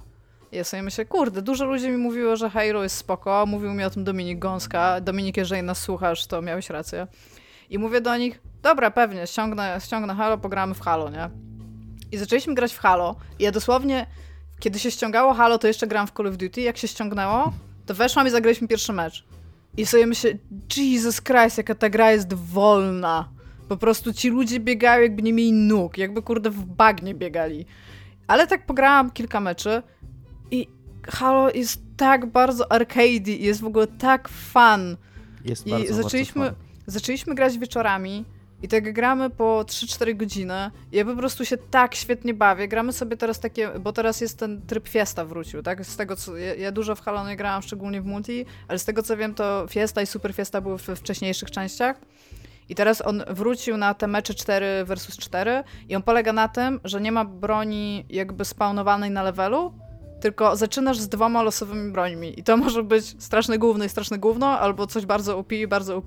Natomiast w momencie, kiedy ktoś się zabije, to on może podnieść tą broń i z nią biegać. I to jest... To jest tak fantastyczny i piękny chaos. To jest jak taka... Taka zupełnie pomylona choreografia, taka, której nikt nie Jest to- zaplanował, ale wszyscy w niej uczestniczą. Jest to bardzo dla dziadów od Quake'a też. Tak, jest, to- mówię, to jest dużo bardziej arcade gra niż Call of Duty. I jest dużo bardziej, znaczy dla mnie os osobiście, dużo bardziej mi podeszła do tego stopnia, że graliśmy w te e, wszystkie Big Battle, graliśmy we wszystkie tryby tych, tych mniejszych, żeby, żebym tam się trochę nauczyła. E, Fiesta pomogła mi rozkminić bronię, w sensie już wiem, czym się od siebie różnią i w jaki sposób można grać, ale my już nie gramy w nic innego niż Fiesta. I po prostu ja pieję z zachwytu, codziennie wieczorem Ale ten jestem pobryczana. na czym dokładnie polega? No właśnie tym, że nie spawnuje ci broń na levelu, tylko dostajesz dwie losowe bronie Nie przy, przy spawnie. Aha, rozumiem. Więc I to, ale, możesz to jest, podnosić... ale dobra, no ale y, gaming to jest deathmatch To jest deathmatch. Team To jest deathmatch. deathmatch, tak. To jest team deathmatch A, 4 team versus deathmatch, 4. Okej. Tak, 4 versus 4. E, I nawet jak kurde, znaczy no, teraz to już nas za bardzo nie dominują, bo mamy czteroosobowy team, więc no, sam, samym faktem, że jesteśmy na mikrofonach, to pewnie jakby jest taka mała hakówka.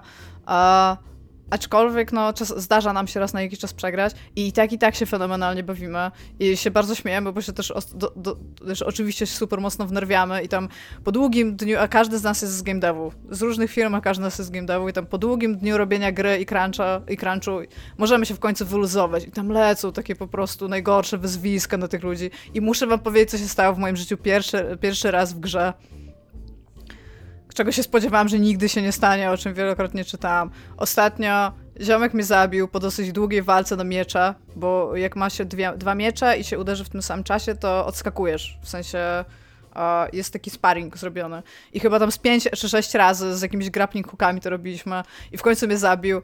I ja się patrzę i tam masz, twoja postać się ragdoluje i masz takie 5 sekund przed spawnem, gdzie widzisz to, to swoje ciało i ty, kurde, mnie steabagował. I ja tak siedzę i to się stało w moim życiu. To, Myślałem, to jest że Rage Quita zrobiłaś, że to jest to. Nie, nie, nie, nie, nigdy w- ogóle ona jest tak fan i po prostu od tego momentu to się zaczęło realnie pojawiać. I ja tak stwierdziłam, dobra, to teraz też tak będę robić przy jakichś killach, które uważam, że zdominowałam, więc jestem part of the problem here, aczkolwiek wciąż jest to super fan. Jesteś totalnie basic white dude teraz, Tak, no, jak biegasz, jestem basic white halo dude. i, i teabagujesz przeciwników. Ale ja się zgadzam z Igą, to znaczy ja grałem krócej, bo tam, nie wiem, może z 10 meczów rozegrałem w tej grze, tak po prostu sam, nie mam żadnych znajomych, jak Iga fajnych, nie jestem taki fajny, No dzięki. więc sobie pograłem... Słucham? No dzięki, tak? Jako, jako twój znajomy chciałbym podziękować, że powiedziałeś, Znaczy, że nie też ma, tutaj nie chcę ma żadnych tak fajnych zaznaczyć znajomych. Tomaszu, Do że tego Dominik jeszcze- zakończył przyjaźń z nami, więc... jeszcze do tego jako twój znajomy, który ostatnio zaczął z tobą grać w gry. No, to prawda. To możemy pograć w Halo, jak chcesz. W każdym razie... Jak, y, mi, jak pogra- przestanę napierdalać laserami z oczu, to tak, to chętnie. Pograłem trochę i, i, i tak jak Iga, jest, jest bardzo fan ta gra. Jest taka, że nawet jak się przegrywa, nawet jak się dostaje w ciry, to, to nie ma tego głupiego, kurna idiotycznego Battle Royale, że kurna biegnę 10 minut po mapie, po czym umieram i przegrywam. Tylko tak, bo deathmatch to deathmatch, no tam nawet jak ci nie idzie, to trochę, trochę tam killi porobisz i jak trochę tam Friday jest z tego, nie? Nawet jak y, się A przegrywa. tam Kili więc- robi w więc tej tak. historii? Aha. Also, e, co jest ciekawe, bo my gramy e, no, crossplayowo i ja jestem jedyną osobą, e, która gra na konsoli w naszym teamie. Mam trzech pececiarzy, ja gram na konsoli. I kurde, to accuracy na padzie, nie wiem, czy sobie wyobrażacie, jest trochę gorsze niż na myszce i klawiaturze. Wciąż jest fan. Wciąż w ogóle Jest tak. jakby jest naprawdę wciąż jest Ale fan. też bez przesady, wiesz co, jak jeszcze miałem wzrok, y, to grałem y, z... Miałeś oczy zaraz tak, będzie, jak no. miałem oczy, no. E, bardzo polecam do operacji wszystkim. jak jeszcze miałem wzrok, to y, grałem z ludźmi z pracy w mm, Back 4 Blood. E, I ja gram jako jedyny na padzie, tak mi się wydaje, że, że, że cała trójka gra, gra na myszce. Jestem prawie pewien tego, ale nie, nie jestem do końca pewien jak gra Kasia, no ale nieważne. E, I jakoś nie mam kompleksów. Tak Mi się Podobno najbardziej podobają rozmowy, jak ja się pytam, jak wyrzucić broń, bo zaczynasz Tak, z, tego, tak. bro- z tego, to jak wyrzucić broń i ktoś mi krzyczy backspace, ja się patrzę na tego pada, tak, tak. tak. Ale tak, no jest naprawdę, jest super fan i no mówię, jestem codziennie zryczana, bo w tych taki, takich całych emocjach w ogóle, e, bo ja o tym trochę zapomniałam, ja bardzo długo nie grałam w gry multi e, po sieci, e, też takie strzelanki w ogóle, okej, Halo jest dużo wolniejsze od Call of Duty, ale teraz zaczęłam jakby znowu grać i tam się tyle dzieje przez tak krótki moment jakby i każdy stara się coś powiedzieć, przez to takie wylewy wychodzą, bo starasz się szybko coś krzyknąć i ziomek zrobił nagle takie wow i wszyscy, ej, co się stało, co zrobiłeś, Łukasz, co się stało i on mówi, zrobiłem headshota bez lufy i my tak what? bez lunety? No, no, no scope'a. Dobra. Oprócz tego jako, że ciągle jest, jakby drugi rok pandemii i nie wiem, czy pamiętacie, że takim wielkim hitem e, początku pandemii na Netflixie był Tiger King. To już w ogóle było tak dawno temu. O Jezu, ile, ile czasu od tego minęło. To teraz wyszły nowe odcinki, taki jakby drugi sezon, Tiger King 2. No właśnie, powiedz mi, jakim cudem można nakręcić Tiger Kinga 2, jak Tiger King siedzi w więzieniu? Znaczy dopiero co wyszedł, no ale chyba jeszcze nie miał okazji nie nic wyszedł, zbroić. Znaczy, nie wiem, A nie, nie wyszedł, wyszedł, masz jakby... rację, on liczył bardzo na tak, e, właśnie u, cały drugi sezon, uniewinnie, zaraz, będę, znaczy, zaraz będę o tym mówić. Nie, ja najpierw powiem. Dobra, mów. No, cały drugi sezon opiera się w ogóle na fakcie, że Joe Exotic Dlaczego jest w więzieniu. Tej, tej najpierw, żeby aczkolwiek, podcast? Nie wiem, pojęcia nie mam. Bo był tam Mateusz Skutnik. A nie było profesora Szyłaka. Profesor, właśnie, profesor Szyłak. Nie, nie było profesora Szyłaka. Jakby był, to bym się nie zgodziła. Wątek profesora Szyłaka bardzo mi się podobał na, na grupie u nas, jak tam był tak. wywiad z tobą. Ja bym chciała powiedzieć, no i właśnie e, drugi sezon Tiger Kinga opiera się jakby od, na tym, co się stało później. Joe Exotic jest w więzieniu, a liga w ogóle jakichś takich e, samozwańczych obrońców jego walczy o to, żeby Trump podpisał jego uniewinnienie i tego, co się do, jakby krok po kroku dzieje, żeby oni, co starają się osiągnąć i w jaki sposób. A w tym samym czasie oczywiście dzieje się to, co się działo z prezydenturą profesora Trumpa, więc wszystkie z tych rzeczy, łącznie z faktem, że ma COVID, na to wpływają w jakiś sposób. Ty, y, poza tym jest e, jest jakby wątek Carol Baskin i tego jej męża i śledztwo w sprawie tego, czy rzeczywiście nakarmiła nim tygrysy. E, poza tym jest kwestia jej wygranej w sądzie, w której to przejęła jakby majątek Joe Exotic i to Zoego. Jest ciąg dalszy e, tego, e, tej umowy, którą Jeff Lowe podpisał z nie pamiętam jakim ziomeczkiem, jak się nazywał ten ziomeczek, gdzie oni robią teraz wspólnie zoo jakby gdzie przeniosą te wszystkie koty, które należały do Joe Exotic, plus wchodzi cała, cały aspekt tego, że po tamtym dokumencie e, PETA i kilka innych organizacji jakby stara się, starało się przez cały czas o to, żeby te prywatne zoo zamknąć, no bo przypadków znęcania się z zwierzętami tam jest po prostu w samym tym dokumencie, a to jest pewnie jakiś tam e, szczyt góry lodowej, no, no po prostu jakby nie wiem, dziesiąt jakby przypadków, gdzie po prostu widzisz znęcanie się nad zwierzętami. Więc to jest taka silna bitwa prawna na temat wszystkich aspektów z pierwszego sezonu i to się wciąż dobrze ogląda, natomiast to się nie kończy żadną konkluzją. Na koniec na koniec, znaczy tam jest dużo wątków jest rozwiązanych, natomiast na koniec tego serialu jakby nie dostajesz i to się stało, tylko masz napisy, że na przykład wiele wątków jeszcze nie zostało zakończonych, prawnych z tym, w związku z tym, w związku z tym, w związku z tym. I jakby domniemam, że po prostu będzie jeszcze trzeci sezon podsumowujący to, nie? Ale tak, wciąż jest to a wild ride. Moim zdaniem, jak się było wciągniętym w, tą, w, tą pierwszy, w ten pierwszy sezon, to oni, y, no, nawet nie ma potrzeby pamiętać tego wszystkiego, oni to wszystko przypominają i po prostu te osobistości, które są tam pokazane, to, jest, to wciąż jest masakra w ogóle, że coś takiego powstało i że coś takiego się w ogóle gdziekolwiek działo i że przez przypadek nakręcili taki dokument, nie? Więc jakby to jest dla mnie znak pandemii. Było mi przyjemnie wrócić do tego Tiger Kinga i być takim what the fuck i przypomnieć sobie, że minął rok, w którym nic się nie stało dosłownie. Jakby jest to jakiś znak czasów. Znaczy, bardzo dużo rzeczy się zdało przez ten rok, jakby chciał tylko Tak, tak, ale w sensie jakby, wiesz, czas przestał istnieć minął rok od tego czasu, jakby jest... Chciałbym tu sprostować, czas wciąż istnieje. Jakby. Nie, czas jest wciąż abstrakcyjnym czynnikiem społecznym, który stworzyliśmy sobie dla lepszego kontrolowania e, swoich poczynań oraz Nadal on upływa i nadal pracy. żadne twoje tutaj intelektualne wygibasy nie sprawią, że, wiesz, że przestanie upływać. Ale już przestał, Tomek. Już przestał. No, więc takie jest u mnie grane. I teraz przez to, że ja prowadzę ten odcinek i nie przemyślałam niczego dosłownie, bo nie jestem za mądra i mój mózg działa, ma tylko trzy zwoje i jeden z nich to jest Call of Duty, drugi to jest Halo, a trzeci to jest e, Pumpkin Spice Latte. A to, to jakby, co jest grane Tomasza, który będzie mówił o książce, natomiast będzie zdradzał z niej dużo szczegółów, ja może od będzie powiem, że będę mówił o książce Wojciecha Engelkinga Serce pełne skorpionów, więc Jeżeli nie zamierzacie jej czytać, albo nie boicie się spoilerów, to zapraszam na moje co jest grane, które będzie na końcu Ale też odcinka. jakby ja tutaj czuję nios, nosem rant, Tak. więc to będzie fan po prostu posłuchać Tomka i już się nie mogę trochę doczekać. Natomiast przerwiemy te nasze dwie sekcje, co jest grane, moją w tym momencie i Tomasza, która będzie zaraz po tym, co zaraz zapowiem, wierszem, który przeczyta Dominik Gąska. Tak, zostałem wtłoczony w całą tą, e, nie wiem jak to nawet powiedzieć, w cały ten performance, to przedsięwzięcie, w którym to niezdypianie czytają poezję. Będę czytał poezję, będę czytał poezję w języku angielskim. E, Wiersz o Captain My Captain Więc feel autorstwa free do wyrażenia Walta. swojej opinii na temat, y, na temat naszych wypowiedzi i akcentów i ten i em, wymowy i To jest czystości i tak To jest dalej. do słuchaczy? Do to, są, słuchaczy tak, to, jest, są te, ja, to są te komentarze, które nas najbardziej motywują. Nie wiem, będzie jak Było będzie. coś na mój ja, temat, że brzydko robię, bo nie ja chciałem tylko powiedzieć, że nie znam się na poezji, nie lubię poezji, nie czytam poezji, ale, Ale ten wiersz kochasz. Y, Kocham ten film. Nie wiem, czy kocham ten wiersz. Y, To się Ale powiedziałeś, dobra. że dobrze, że go przeczytałeś, bo ci ten... Y, Tak, znaczy ja go tak- nie znałem. nowy, rzucił ci nowy, nowe światło na zakończenie tego filmu. Tak, tak. Czyli Dobrze, film o czytam Stowarzyszeniu już. Umarłych Poetów. Jeszcze tytuł i Dobrze. e, autora, bo ci zagłuszyłem. Walt Whitman, Captain, my Captain. Oh, Captain, my Captain, our fearful trip is done. The ship has weathered every rack, the prize we sought is won.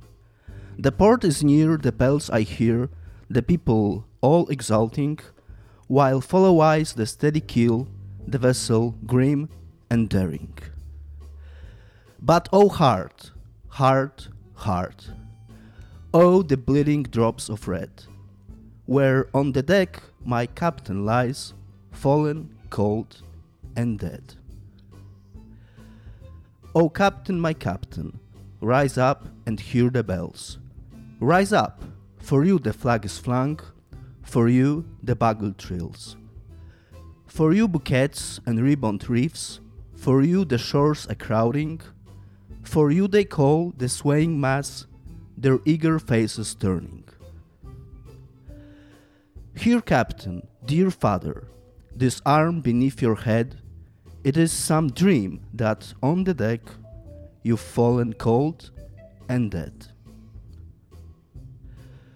My captain does not answer. His lips are pale and still. My father does not feel my arm. He has no pulse nor will. The ship is anchored safe and sound, its voyage closed and done. From fearful trip, the victor ship comes in with object won. Exalt, O shores, and ring, O bells, but I, with mournful tread, walk the deck, my captain lies, fallen cold and dead. Brawo. Bardzo, bardzo Jednak, ładnie. jednak trochę mi Smutne. Je- jednak trochę mi y, brakowało oddechu. Nie wiem, coś. Chyba jestem trochę przeziębiony. Więc przepraszam. Tak też mi. Nie, bardzo ładnie przeczytałeś, to- przepraszaj. Bardzo ładnie również się zgadzam. Może mi Y- to, może to emocje związane z tym, z tym wierszem, ale czułem, że mi się głos łamie po prostu. Zależało przez, mi, y, żeby był po angielsku czytany ten wiersz, bo on y, po pierwsze moim zdaniem nie jest zbyt dobrze przetłumaczony na polski, jakby nie jest, nie jest złapana cała ta melodia. E, a po drugie, no chyba wszyscy go kojarzymy z tym angielskim zawołaniem O Captain, my tak. Captain, a nie o kapitanie, mój kapitanie. Zgadzam się, czytałem również przygotowując się, czytałem dwa tłumaczenia i mm, jedno było wyraźnie lepsze, ale przy obu miałem takie, że no, że mocno zmienia Tak.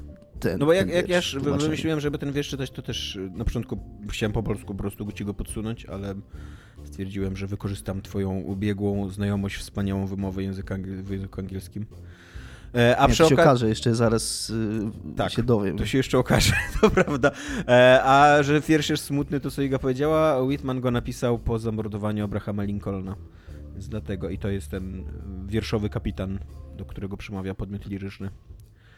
Więc dlatego jest to smutny wiersz bardzo. Teraz jest mi tak, mm, jest, tak jest taki utwór, y, tren ofiarą Hiroshima, to jest nie. Zaraz znajdę, ale w każdym razie to nie jest ofiarą Hiroshima. jest e, taka adaptacja muzyczna wierszy z obozów koncentracyjnych. I jeden z, jedna, jeden z utworów zaczyna się Mamo, mamo, nie płacz. Ofiarą Hiroshimy jest- Tren to jest po prostu. Tak? Okej. O, Tak. popatrz, nawet pamiętałam.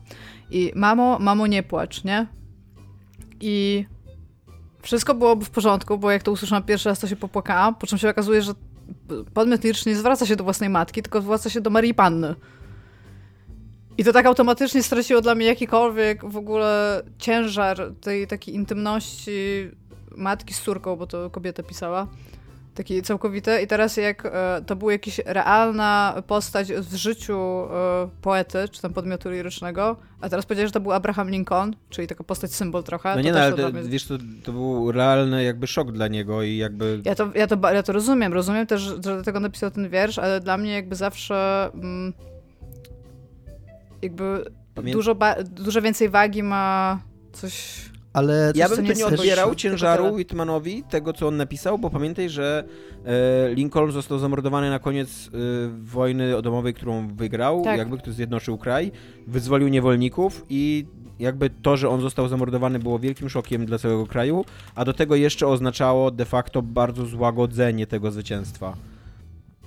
A przy okazji jeszcze można również chyba zauważyć i dodać, że interpretacja jest y, jakby nie- jest tak, że mimo, że ta, faktycznie ten wiersz się tak przyjmuje i tak się przyjęło i jakby to jest oczywiste, że on o tym jest, to wydaje mi się, że każda interpretacja jest Tak, uprawniona. Tak, i... to, jest chyba w ogóle fajny taki aspekt poezji? Że, tak. że tak, że można. Zwłaszcza, że on go w pewnym momencie nazywa ojcem, więc to też nadaje jakiejś tam dodatkowej warstwy temu wierszowi. Bardzo Ci dziękuję, Dominik. My, jakby mój projekt czytania poezji jest już kompletny. możemy, teraz po prostu, teraz już idzie tylko taka dogrywka, co nie możemy go już skończyć w każdej chwili, już taki jest encore po prostu i tam e, czy to będzie nie- jeszcze jeden wiersz, czy to będzie jeszcze 10 wierszy, to już nieważne jakby. Dominik przeczytał o Cutting My Captain To na jest antenie. to, co, o czym ja mówiłam, czyli Mamo, nie płacz, to jest symfonia numer 3 Góreckiego. Tylko tyle. Dobra. A tren ofiarą Hiroshimy to jest Penderecki. Pendereckiego, tak. Tak. Tak, też jestem na Wikipedii, Iga. Ja akurat to wiedziałam, bo pamiętam nagłówki, kiedy kiedy nie żył. Wtedy tego słuchaliśmy dużo, ale tak. Dobra, pytacie się, co jest grane u mnie? E, Cały, ja tutaj czytam listy, właśnie staram się spod nich wygrzebać. Jest, jest, tylko jeden, jest tylko jedno pytanie w tych listach, Tomaszu. Co jest u ciebie grane? Eee, Więc ucieszy proszę was, przejść że, do tego rantu, bo już się super was, że, cieszę. u, ucieszy was, że z okazji e, laserów w oczach e, przysłuchałem książkę, audiobooka e, pod tytułem Serce pełne skorpionów. E, jest to nie najlepszy tytuł, który e, Wojciecha Engelkinga, o tak jeszcze powiem. Syna słynnego tłumacza Leszka Engelkinga, to, to może wam też e, coś em, powiedzieć, o, e, jakby, pozwolić wam zidentyfikować tego autora, o tak. Eee, jest to nie najlepszy tytuł, e, grafomański tytuł moim zdaniem, który niestety w e, klasycznej polskiej e, manierze powraca w trakcie czytania, lektury wielokrotnie. E, jest powtarzany tak jak u Sapkowskiego, tak jak u Miłoszewskiego. Jakby mam taki trochę apel do twórców, pisarzy. Jeżeli macie tytuł, który wam się wydaje, że jest dobry, to zostawcie go w spokoju. On będzie dobry na okładce, jakby, co nie? On, on nie, jeżeli uważacie, że jest dobry, to on jest dobry i tyle. Nie musicie jeszcze później wbijać mi młotkiem do głowy, że to jest dobry tytuł i, i tak dramaty, dramatycznie jakby powtarzać, y, czynić z niego jakiś referenc swojej powieści i tak dalej. To było w miarę nowa- nowatorskie, już nie jest. Teraz jest pretensjonalne moim zdaniem, zwłaszcza jeżeli y, jest to pretensjonalny tytuł, tak jak ten tutaj i y, jest to kiepskie wykonanie tego chwytu. Jest to historia, która w założeniu, w zamierzeniu, jak, was, jak wam teraz ją trochę skruszczę- streszczę, może się wydawać interesująca, e, bo jest to opowieść o takim o takim resortowym dziecku, jakbyśmy to nazwali dzisiaj. E, O chłopaku, który ma 17 lat, e, jest synem e, sekretarza stanu w Ministerstwie Spraw Wewnętrznych e, w latach 60. w Polsce, więc jego ojciec jest bardzo wpływowym e, i dobrze usytuowanym człowiekiem w komunizmie. E, Należy do, jakby ma on wszystko w życiu, mają mieszkanie, mają pieniądze, mają własnego kierowcę, chodzi do takiego elitarnego liceum, do którego chodzą właśnie dzieciaki, dygnitarzy komunistycznych. Jakby cały ten taki negatywny, negatywny bagaż życia w komunie w Polsce jest trochę dla Jacka, głównego bohatera, obcy, jest taką niewiadomą. On tego nie doświadcza. Jemu się w Polsce żyje świetnie. E, Polskę, e, zwłaszcza w Warszawie. On, on, on w ogóle kocha Wars Warszawę. Jest rok 1960.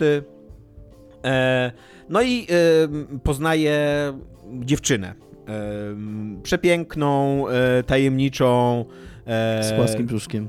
Z płaskim brzuszkiem, tak. Z, z długimi nogami, z blond włosami, płaskim brzuszkiem i e, kształtnym tyłeczkiem. O, o, o, tym jest bardzo dużo mowy w ogóle w tej książce, bo nie dość, że jest sporo scen erotycznych, em, nie porno, ale takich też nie, nie jakichś super grzesznych erotycznych, e, to, to jakby przez cały, przez cały czas ta książka jest pisana z perspektywy pierwszej osoby, czasem z perspektywy takiej młodzieńczej Jacka, a czasem z perspektywy starszego Jacka już, to trudno tam rozróżnić, bo to jest jakby płynne takie, kiedy on, kiedy on pisze, jak ją postrzegał wtedy, a jak dzisiaj ją pamięta. E, I ona jest bardzo seksualizowana w tych opisach, bardzo jest zwracana uwaga na jej urodę non-stop. E, ona pochodzi z Rosji, z Leningradu i jest z kolei córką e, takiego bardzo złowrogiego funkcjonariusza radzieckiej ambasady w um, Warszawie. Co ciekawe, jakby żeby, żeby ta fabuła w ogóle mogła się wydarzyć, to nikogo po polskiej stronie nie dziwi to, że y, córka e, dygnitarza z rosyjskiej ambasady zainteresowała się synem um, ważnego Ministra. urzędnika Ministerstwa Spraw Wewnętrznych E, I on, on oczywiście się w niej zakochuje, zakochuje się w niej po uszy, jakby ma taką trochę obsesję na jej punkcie. Ona się nazywa Nina. E, ma polską matkę, która już nie żyje i właśnie i, i, i y, rosyjskiego rosyjskiego ojca, który jest trochę takim dzieckiem epoki, dzieckiem lat y, tego XX wieku. Jakby, że, że drzemie w nim takie szaleństwo XX wieku, ten tak, taki gniew, te wybuchy, jakieś takie konflikty klasowe, e, radykalizm i tak dalej. Co nie jest takim uosobieniem właśnie obu wojen, rewolucji rosyjskich, e, tego szaleństwa, leninizmu, stalinizmu, czystek. Jest bardzo ważny wątek, że ten ojciec Niny zdradził swojego ojca de facto, taką figurę ojca, bo Tuchaczewskiego E, w momencie, kiedy Tuchaczewski był sądzony przez, bodajże Stalina, wydaje mi się, to, to ten ojciec go zdradził i zeznał przeciwko niemu. E, no i jest ogólnie jest takim trochę stereotypowym rosyjskim szaleńcem. Jak sobie... I, i, I tutaj słowo klucz, czyli stereotyp, jest to książka w całości oparta na stereotypach i jest to tak bolesne, że ja pierdolę po prostu. E, jak poznajesz tą Ninę i widzisz złowrogą rosyjską dziewczynę, która się wywyższa, która um, nie opuszcza lekcje, jest tajemnicza i tak dalej, to masz pewien, yy, pewien obraz w głowie ci się buduje od razu, co nie? I to jest tak oczywisty obraz i tak jak mi się wydaje, yy, czy wam się już, czy wy się już domyślacie po tym moim krótkim streszczeniu tej, tej, tej książki, o co chodzi w tej fabule, o co chodzi tam w mm, spisku, no nie wiem, że ona jest jakimś szpiegiem. No, jak na to wpadłeś, e, więc, więc jakby to I że ma tak... omotać, omotać młodego, y, niewinnego tak. Polaka tak. i To jest tak oczywiste, sekrety. to jest tak oczywiste, że ja tak mniej więcej po 4-5 godzinach czytania, bo to jest długa książka, na 15, na 15 godzin, więc jakby te wszystkie wątki już się stają wyraźne, nie, nie, nie tak od razu, nie?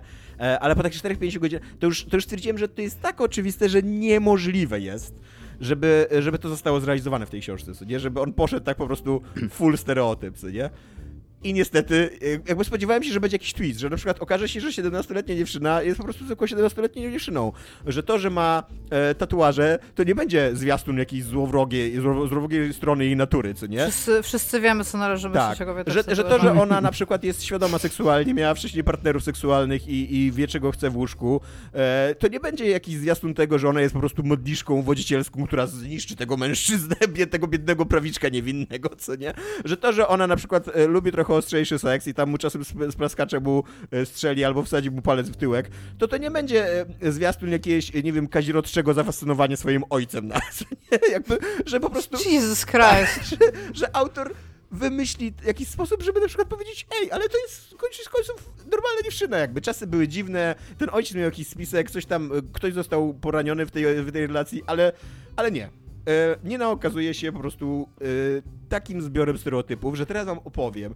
E, ona tak, ona uwodzi tego, tego na, na, na zlecenie swojego ojca. Mimo, że ten, tym, ten ojciec zamordował na jej oczach jej matkę, to Nina jest zafascynowana tym swoim ojcem i ma z nim jakąś przedziwną taką relację niewysłowionej miłości, ale takiej, takiej od- poddańczej, oddanej zupełnie, co nie? Mimo, że ona tą matką przeżyła oblężenie Leningradu e, i wielki głód w Leningradzie w trakcie tego oblężenia, co nie? Więc wydawałoby się, że jest dosyć związana z mamą, e, a ojciec był wtedy nieobecny, bo ojciec był wtedy na froncie, ale nie, jakby za, za, to fakt, że brutalny ojciec przemocowy, który jest też opisany, że często się wdawał w bójki, że był bardzo agresywny, wybuchowy i tak dalej, że na, jej, na oczach własnego dziecka zamordował e, jej matkę, to tylko zacieśniło ich kontakty, co nie? O Jezus Maria. Ona się wytytułowała dla niego, bo chciała mieć takie tatuaże, jak ma jej ojciec. E, wytatuowała się dla niego. E, Na koniec tej książki jest za, zasugerowane, że oboje się sobą fas- fascynują również w stopniu seksualnym i ten jakby te, te, ten incest jeszcze nie jest e, skonsumowany w tej książce, ale jest taka zapowiedź go w przyszłości. Gdyby nie to, że oczywiście tragiczne zakończenie książki tam e, przekreśla. E, e, i, I ona totalnie jakby uwodzi Jacka na, na zlecenie ojca całkowicie e, z premedytacją. Ma bardzo wyszukany plan w ogóle tego uwodzenia. E, łącznie z tym, że najpierw pozwala mu e, poznać jakieś tam pettingi i obmacywanki i pieszczoty z inną dziewczyną, bo ona wie, że ona musi wkroczyć dopiero jak Jacek już będzie miał, wiesz, jądra sine od podniecenia, co nie? już będzie taki, wiesz, taki właśnie prawiczkiem gotowym do zerwania z drzewa, co nie? I wtedy wchodzi Nina cała na biało i pokazuje mu, czym jest prawdziwy seks, jak, jak, czym jest prawdziwe spełnienie, co nie? Omotuje go sobie dookoła palca. Jednocześnie, jednocześnie ona oczywiście robiła research na jego temat, więc wie, jak, e, jak go skłócić z ojcem. E, bo ten plan jakby zakłada, że, go, że, że, że, że właśnie, że on musi zerwać, że Jacek musi zerwać swoje stosunki z ojcem, postąpić bardzo głupio i wtedy będzie jakby dźwignię nacisku na ojca, żeby, żeby mieć, żeby Rosjanie mieli swoją wtykę w e, MSW e, i e, polskim MSW.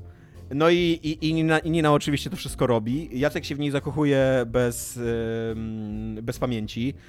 I e, jest taki moment już pod sam koniec książki, żeby cały czas dążę do tego, żeby wam pokazać, jak cudownie realistyczną postacią jest Nina i jak wielką wiedzę na temat kobiet, ale także istot ludzkich w ogóle, co nie? No bo do tego zbioru należą kobiety, ma autor tej książki, kiedy Nina, 17-latka, chciałbym przypomnieć 17-latka, e, na końcu ma taki moment, że sobie przemyśliwuje cały ten swój plan, to pomimo tego, że, że jest wcześniej wspomniane, że ona woli seks niż masturbacji rzadko się masturbuje i to tym razem po raz pierwszy czuje taką wewnętrzną ochotę, żeby się masturbować. W trakcie tego, jak ona myśli, jaką jest przebiegłą, wiesz, złoczyńcą, co nie? E, więc straszna jest ta książka pod tym względem. Autentycznie mm, jest to okropne, jest to... E, nie ma tu żadnej, żadnej e, mm, e, takiej wiarygodności psychologicznej. E, Jest to po prostu jakiś taki evil masterplan w stylu, kurde, nie wiem, Himena, gdyby Himen był 18+, plus, nie? No, s- skeletor na koniu, ale. Powinien, powinieneś obejrzeć nowych Masters of the Universe. nie, nie, ja mówię o tym, o tym starym szkieletor, szkieletorze, co nie, tak ale wymyśliłem, aż mi, kurde, stanął, co nie? Powiedziałbyś, że Skeletor ma bonera? E, tak. Totalnie bym tak powiedział. Ale co jest najgorsze jeszcze, to że ta książka się tak absurdalnie głupio kończy, że to jest głowa bo cała, cały ten taki, cały ten taki misterna, cała ta taka misterna e, intryga ma, dopro, ma, do, ma doprowadzić do tego, że Jacek i Nina będą chcieli uciec z Polski, jakby, bo on już jest skłócony z ojcem i uważa, że nie ma innego wyjścia, jak tylko uciec z Polski i tak dalej. A wtedy Nina w trakcie tej ucieczki powie, że ona została porwana mm, przez, przez Jacka. E, I, mm, I dzięki temu właśnie ci, Ros ci Rosjanie będą mieli dźwignię nacisku na, e, na, na jego ojca, będą mogli dzięki temu doprowadzić do dymisji szefa em, e, MSW i będą mogli uczynić Mieczys- Mieczysława Moczara, jednego z największych skurwysynów w historii PRL-u, swoim jakby szefem MSW, bo Moczar był dosyć prorosyjski i był jakby podatny na te naciski rosyjskie, co nie? I oni już jadą na granicę, ta dwójka, żeby, żeby ten koronkowy plan jakby zrealizować, już jadą na granicę. I teraz, I teraz uwaga, e, się do tej granicy, jest tam dwóch ludzi, jakby dwóch, dwóch pograniczników i Nina mówi, zostałam porwana. A na to pogranicznicy mówią, ej, ty nie wygłupiaj się, jesteście dwa dzieciaki na granicy, co nie? O co wam chodzi, co tu się dzieje, co nie? Nina wyskakuje z samochodu i krzyczy, że jest porwana, ale krzyczy po rosyjsku i samochód jest na rosyjskich blachach, więc w momencie, kiedy Jacek, y, nie rozumiejąc sytuacji, zaczyna mówić po polsku, to ci pogranicznicy widzą, że coś jest nie tak i celują w nich karabiny. Jakoś nie jakoś agresywnie, ale nic takiego. No, sytuacja jest... Nie na... agresywnie, No ale nie, no, wiesz, sytuacja jest napięta, nie, nie, nie, wiedzą, co się dzieje. To nie jest tak, że jakby w książce absolutnie nie ma zasugerowane, że oni są jakoś, nie wiem, poddenerwowani w jakiejś takiej, wiesz, e, morderczej, e, morderczym e, trybie, co nie? Tylko po prostu, no, wiesz...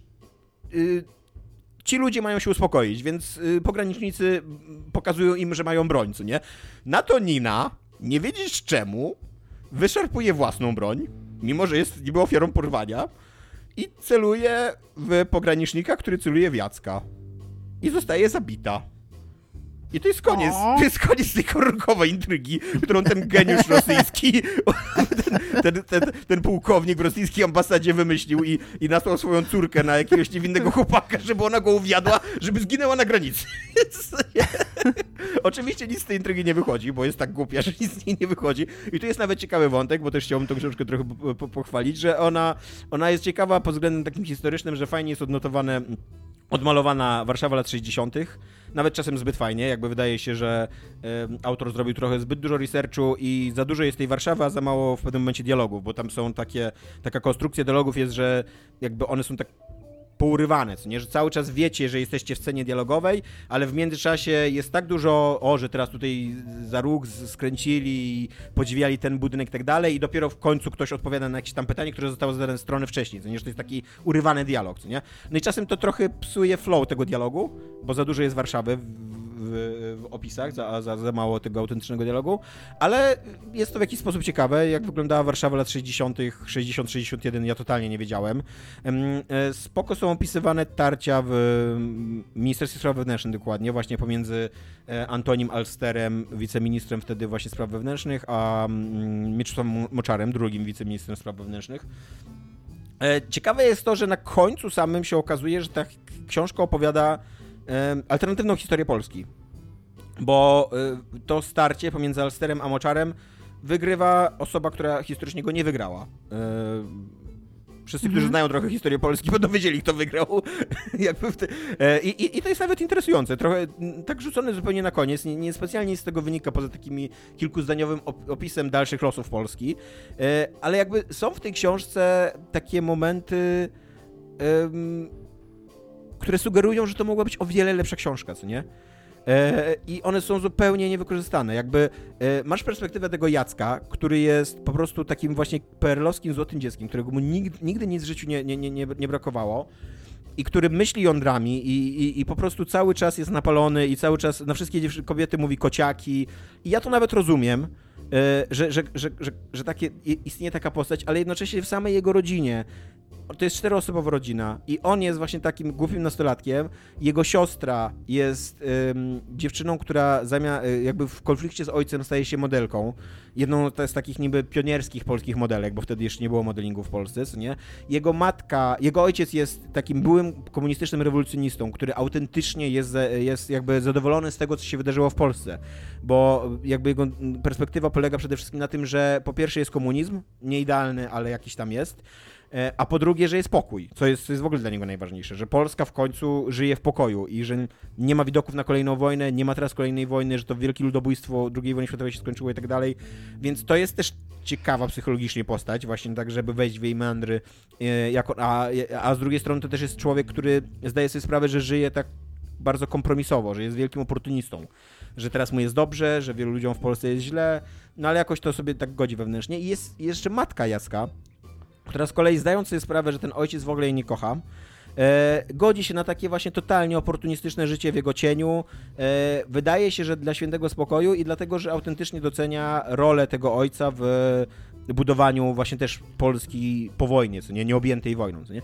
Więc z tej Mhm. czteroosobowej rodziny centralnie wszystkie inne postaci są ciekawsze niż Jacek?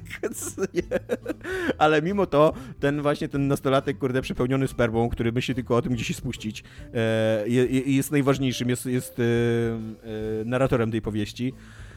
I to jest takie słabe i takie rozczarowujące. I, Tomaszu, no, jak wiele razy w tej książce pada jej tytuł? No, z 20 bym powiedział, jak nie więcej. Czy on wpada w dialogach, czy w opisie? E, nie, dzia- wpada w opisie, no bo ta, e, wiesz... E, Myślałam, że ktoś realnie w tej książce mówi, to jest osoba o Nie, sercu nie, nie, pełnym nie. skorpionów. On, on siada, on siada, on pada w opisie, bo to jest taka figura retoryczna, wiesz, po tym, co się dzieje z twoim sercem, kiedy ono jest przepełnione gniewem i zdrad, i takim poczuciem zdrady, co nie takim, taką wściekłością. Co symbolizują skorpiony. Tak, tak, że, nie tam, że, że wtedy e, skorpiony się zdrady, w tak. twoim sercu i zatruwają je, wypuszczają swój jad, co nie? I no... no Wow. Nie, no tak. Dzwoniła koma, chcieliby o tym napisać E, piosenkę. tak, dokładnie. tak. jeszcze, jeszcze mam taki problem z Mieczysławem Moczarem, bo on jest jednocześnie fajną postacią w tej książce i, i, i, i taką sobie, bo on jest y, fajną postacią o tyle, że on jest właśnie takim mm, takim prostym, bo w ogóle Moczar był prostym człowiekiem z ludu, nie? I on długo był niedoceniany przez tych właśnie takich komunistycznych inteligentów, jeszcze przedwojennych, e, którzy byli dobrze wykształceni, mieli ze sobą mnóstwo doświadczenia w spiskowaniu i tak dalej i uważali, że Moczara ubić będzie bardzo łatwo. E, A tutaj jest bardzo w- fajnie zasugerowany, że Moczar, że oni go nie doceniają i że Moczar jest inteligentnym facetem, że jest skurwysynem, że mm, jest człowiekiem skrajnie niemoralnym, ale że nie jest głupi, nie? Jakby, że, że, że po prostu cały ten, e, cała ta rozgrywka pomiędzy nimi jest nierówna, bo mm, stronnictwo Alstera nie docenia Moczara po prostu, a Moczar jakby jest na równi przeciwnikiem, co nie? Tylko o ile to jest fajne, to jest problem dla mnie taki, że bardzo długo nie do końca wiemy, dlaczego powinniśmy nie lubić Moczara, e, bo w tej Polsce mm, jakby problem jego, bo jakby to, to, że on ma kochanki i jest i przeklina dużo, to nie jest dla mnie powód, żeby nienawidzić y, czarnego charakteru w książce, nie? A jego taki organiczny, mm, naprawdę taki zatruty i, i, pełen hejtu antysemityzm, który zresztą doprowadził do wygnania w 68 roku e, polskich Żydów z Polski, on wychodzi bardzo długo, bardzo późno w powieści, więc my trochę, jako czytelnik, trochę musi, musisz włożyć swoją wiedzę historyczną, że Moczer był naprawdę y, łajzą straszną i gnidą, to musisz, musisz ją w- wcześniej jakby, y, wcześniej włożyć tą wiedzę, żeby wiedzieć, że, że tak, że on naprawdę zasługuje na całą tą niechęć i całą tą- nienawiść, jaką żywią do niego inni bohaterowie, co nie?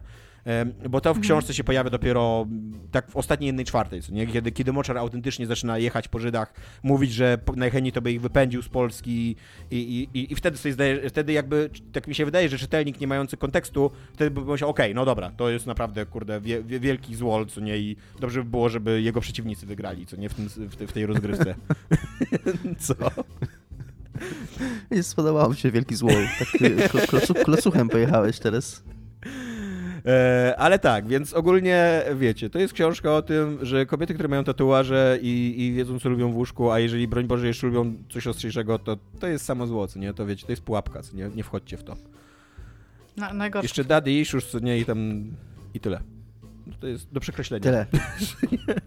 Więc ogólnie bardzo nie polecam tej książki. Ją się niestety dobrze 6 słucha. na 10. E, Ją się niestety dobrze słucha, bo jest nie najgorzej napisana, tak po prostu jakby wartko. Nie dlatego, że jest jakoś poetycko czy coś, ale tak właśnie jako taki, taka literatura rozrywkowa, to jest w takim w miarę dobrym, neutralnym stylu napisana. Ale jest, y, jest straszna, przedziwna i, i nie, i po prostu nie, nie, jakby... Mówię, w skali growej 6 na 10. W skali growej 6 na 10, w skali literatury tak 2 za to, że została napisana i, i, i da się ją czytać.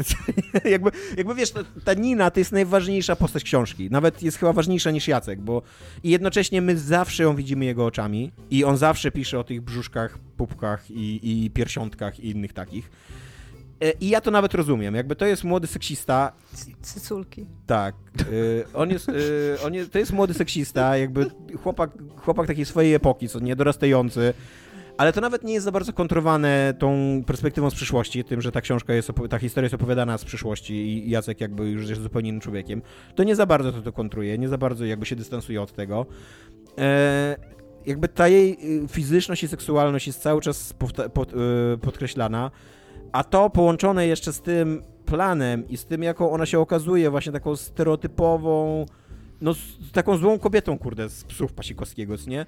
No to naprawdę możemy, kurde, oczekiwać nawet od najbardziej pośredniej literatury czegoś więcej niż tak skonstruowanych postaci. I to nie tylko postaci kobiecych, to nie jest tylko problem seksizmu. Ale czy możemy, Tomaszu? Czy, To czy nie ogóle- podnosimy tej poprzeczki za wysoko? No, aczkolwiek y, ja już więcej się nie uśmiechnę z żadnej blondynki z tatuażami, która wie, czego chce. To, są, to są niebezpieczne baby. Nie, nie dlatego, że jesteś żonaty. E, również dlatego. Przez tą książkę. Również dlatego, że jestem... No. Że e, właśnie doszedł do mnie news, który jakby na tyle mną wstrząsnął, że chyba musimy kończyć e, to nagranie. E, więc dziękuję wam za to, że byliście tutaj w tym pięknym chaosie, który stworzyłam. A przepraszam za niego również. E, przypominam o tym, że e, na naszej Pieniądz, stronie pieniądz, możecie pieniądz. znaleźć e, informacje na temat tego, jeżeli chcielibyście nam dołączyć do wpłat na Patronite. to Oczywiście nie musicie tego robić, tak jak zawsze mówimy, nic nie schowamy za paywallem. Natomiast nie będziemy ukrywać, że te pieniądze nam pomagają z miesiąca na miesiąc. A dziękujemy Wam, czy wpłacacie, czy nie wpłacacie, jesteście super i zapraszamy Was w przyszłym tygodniu na kolejny odcinek podcastu Niezatopialni. Hej. Hej.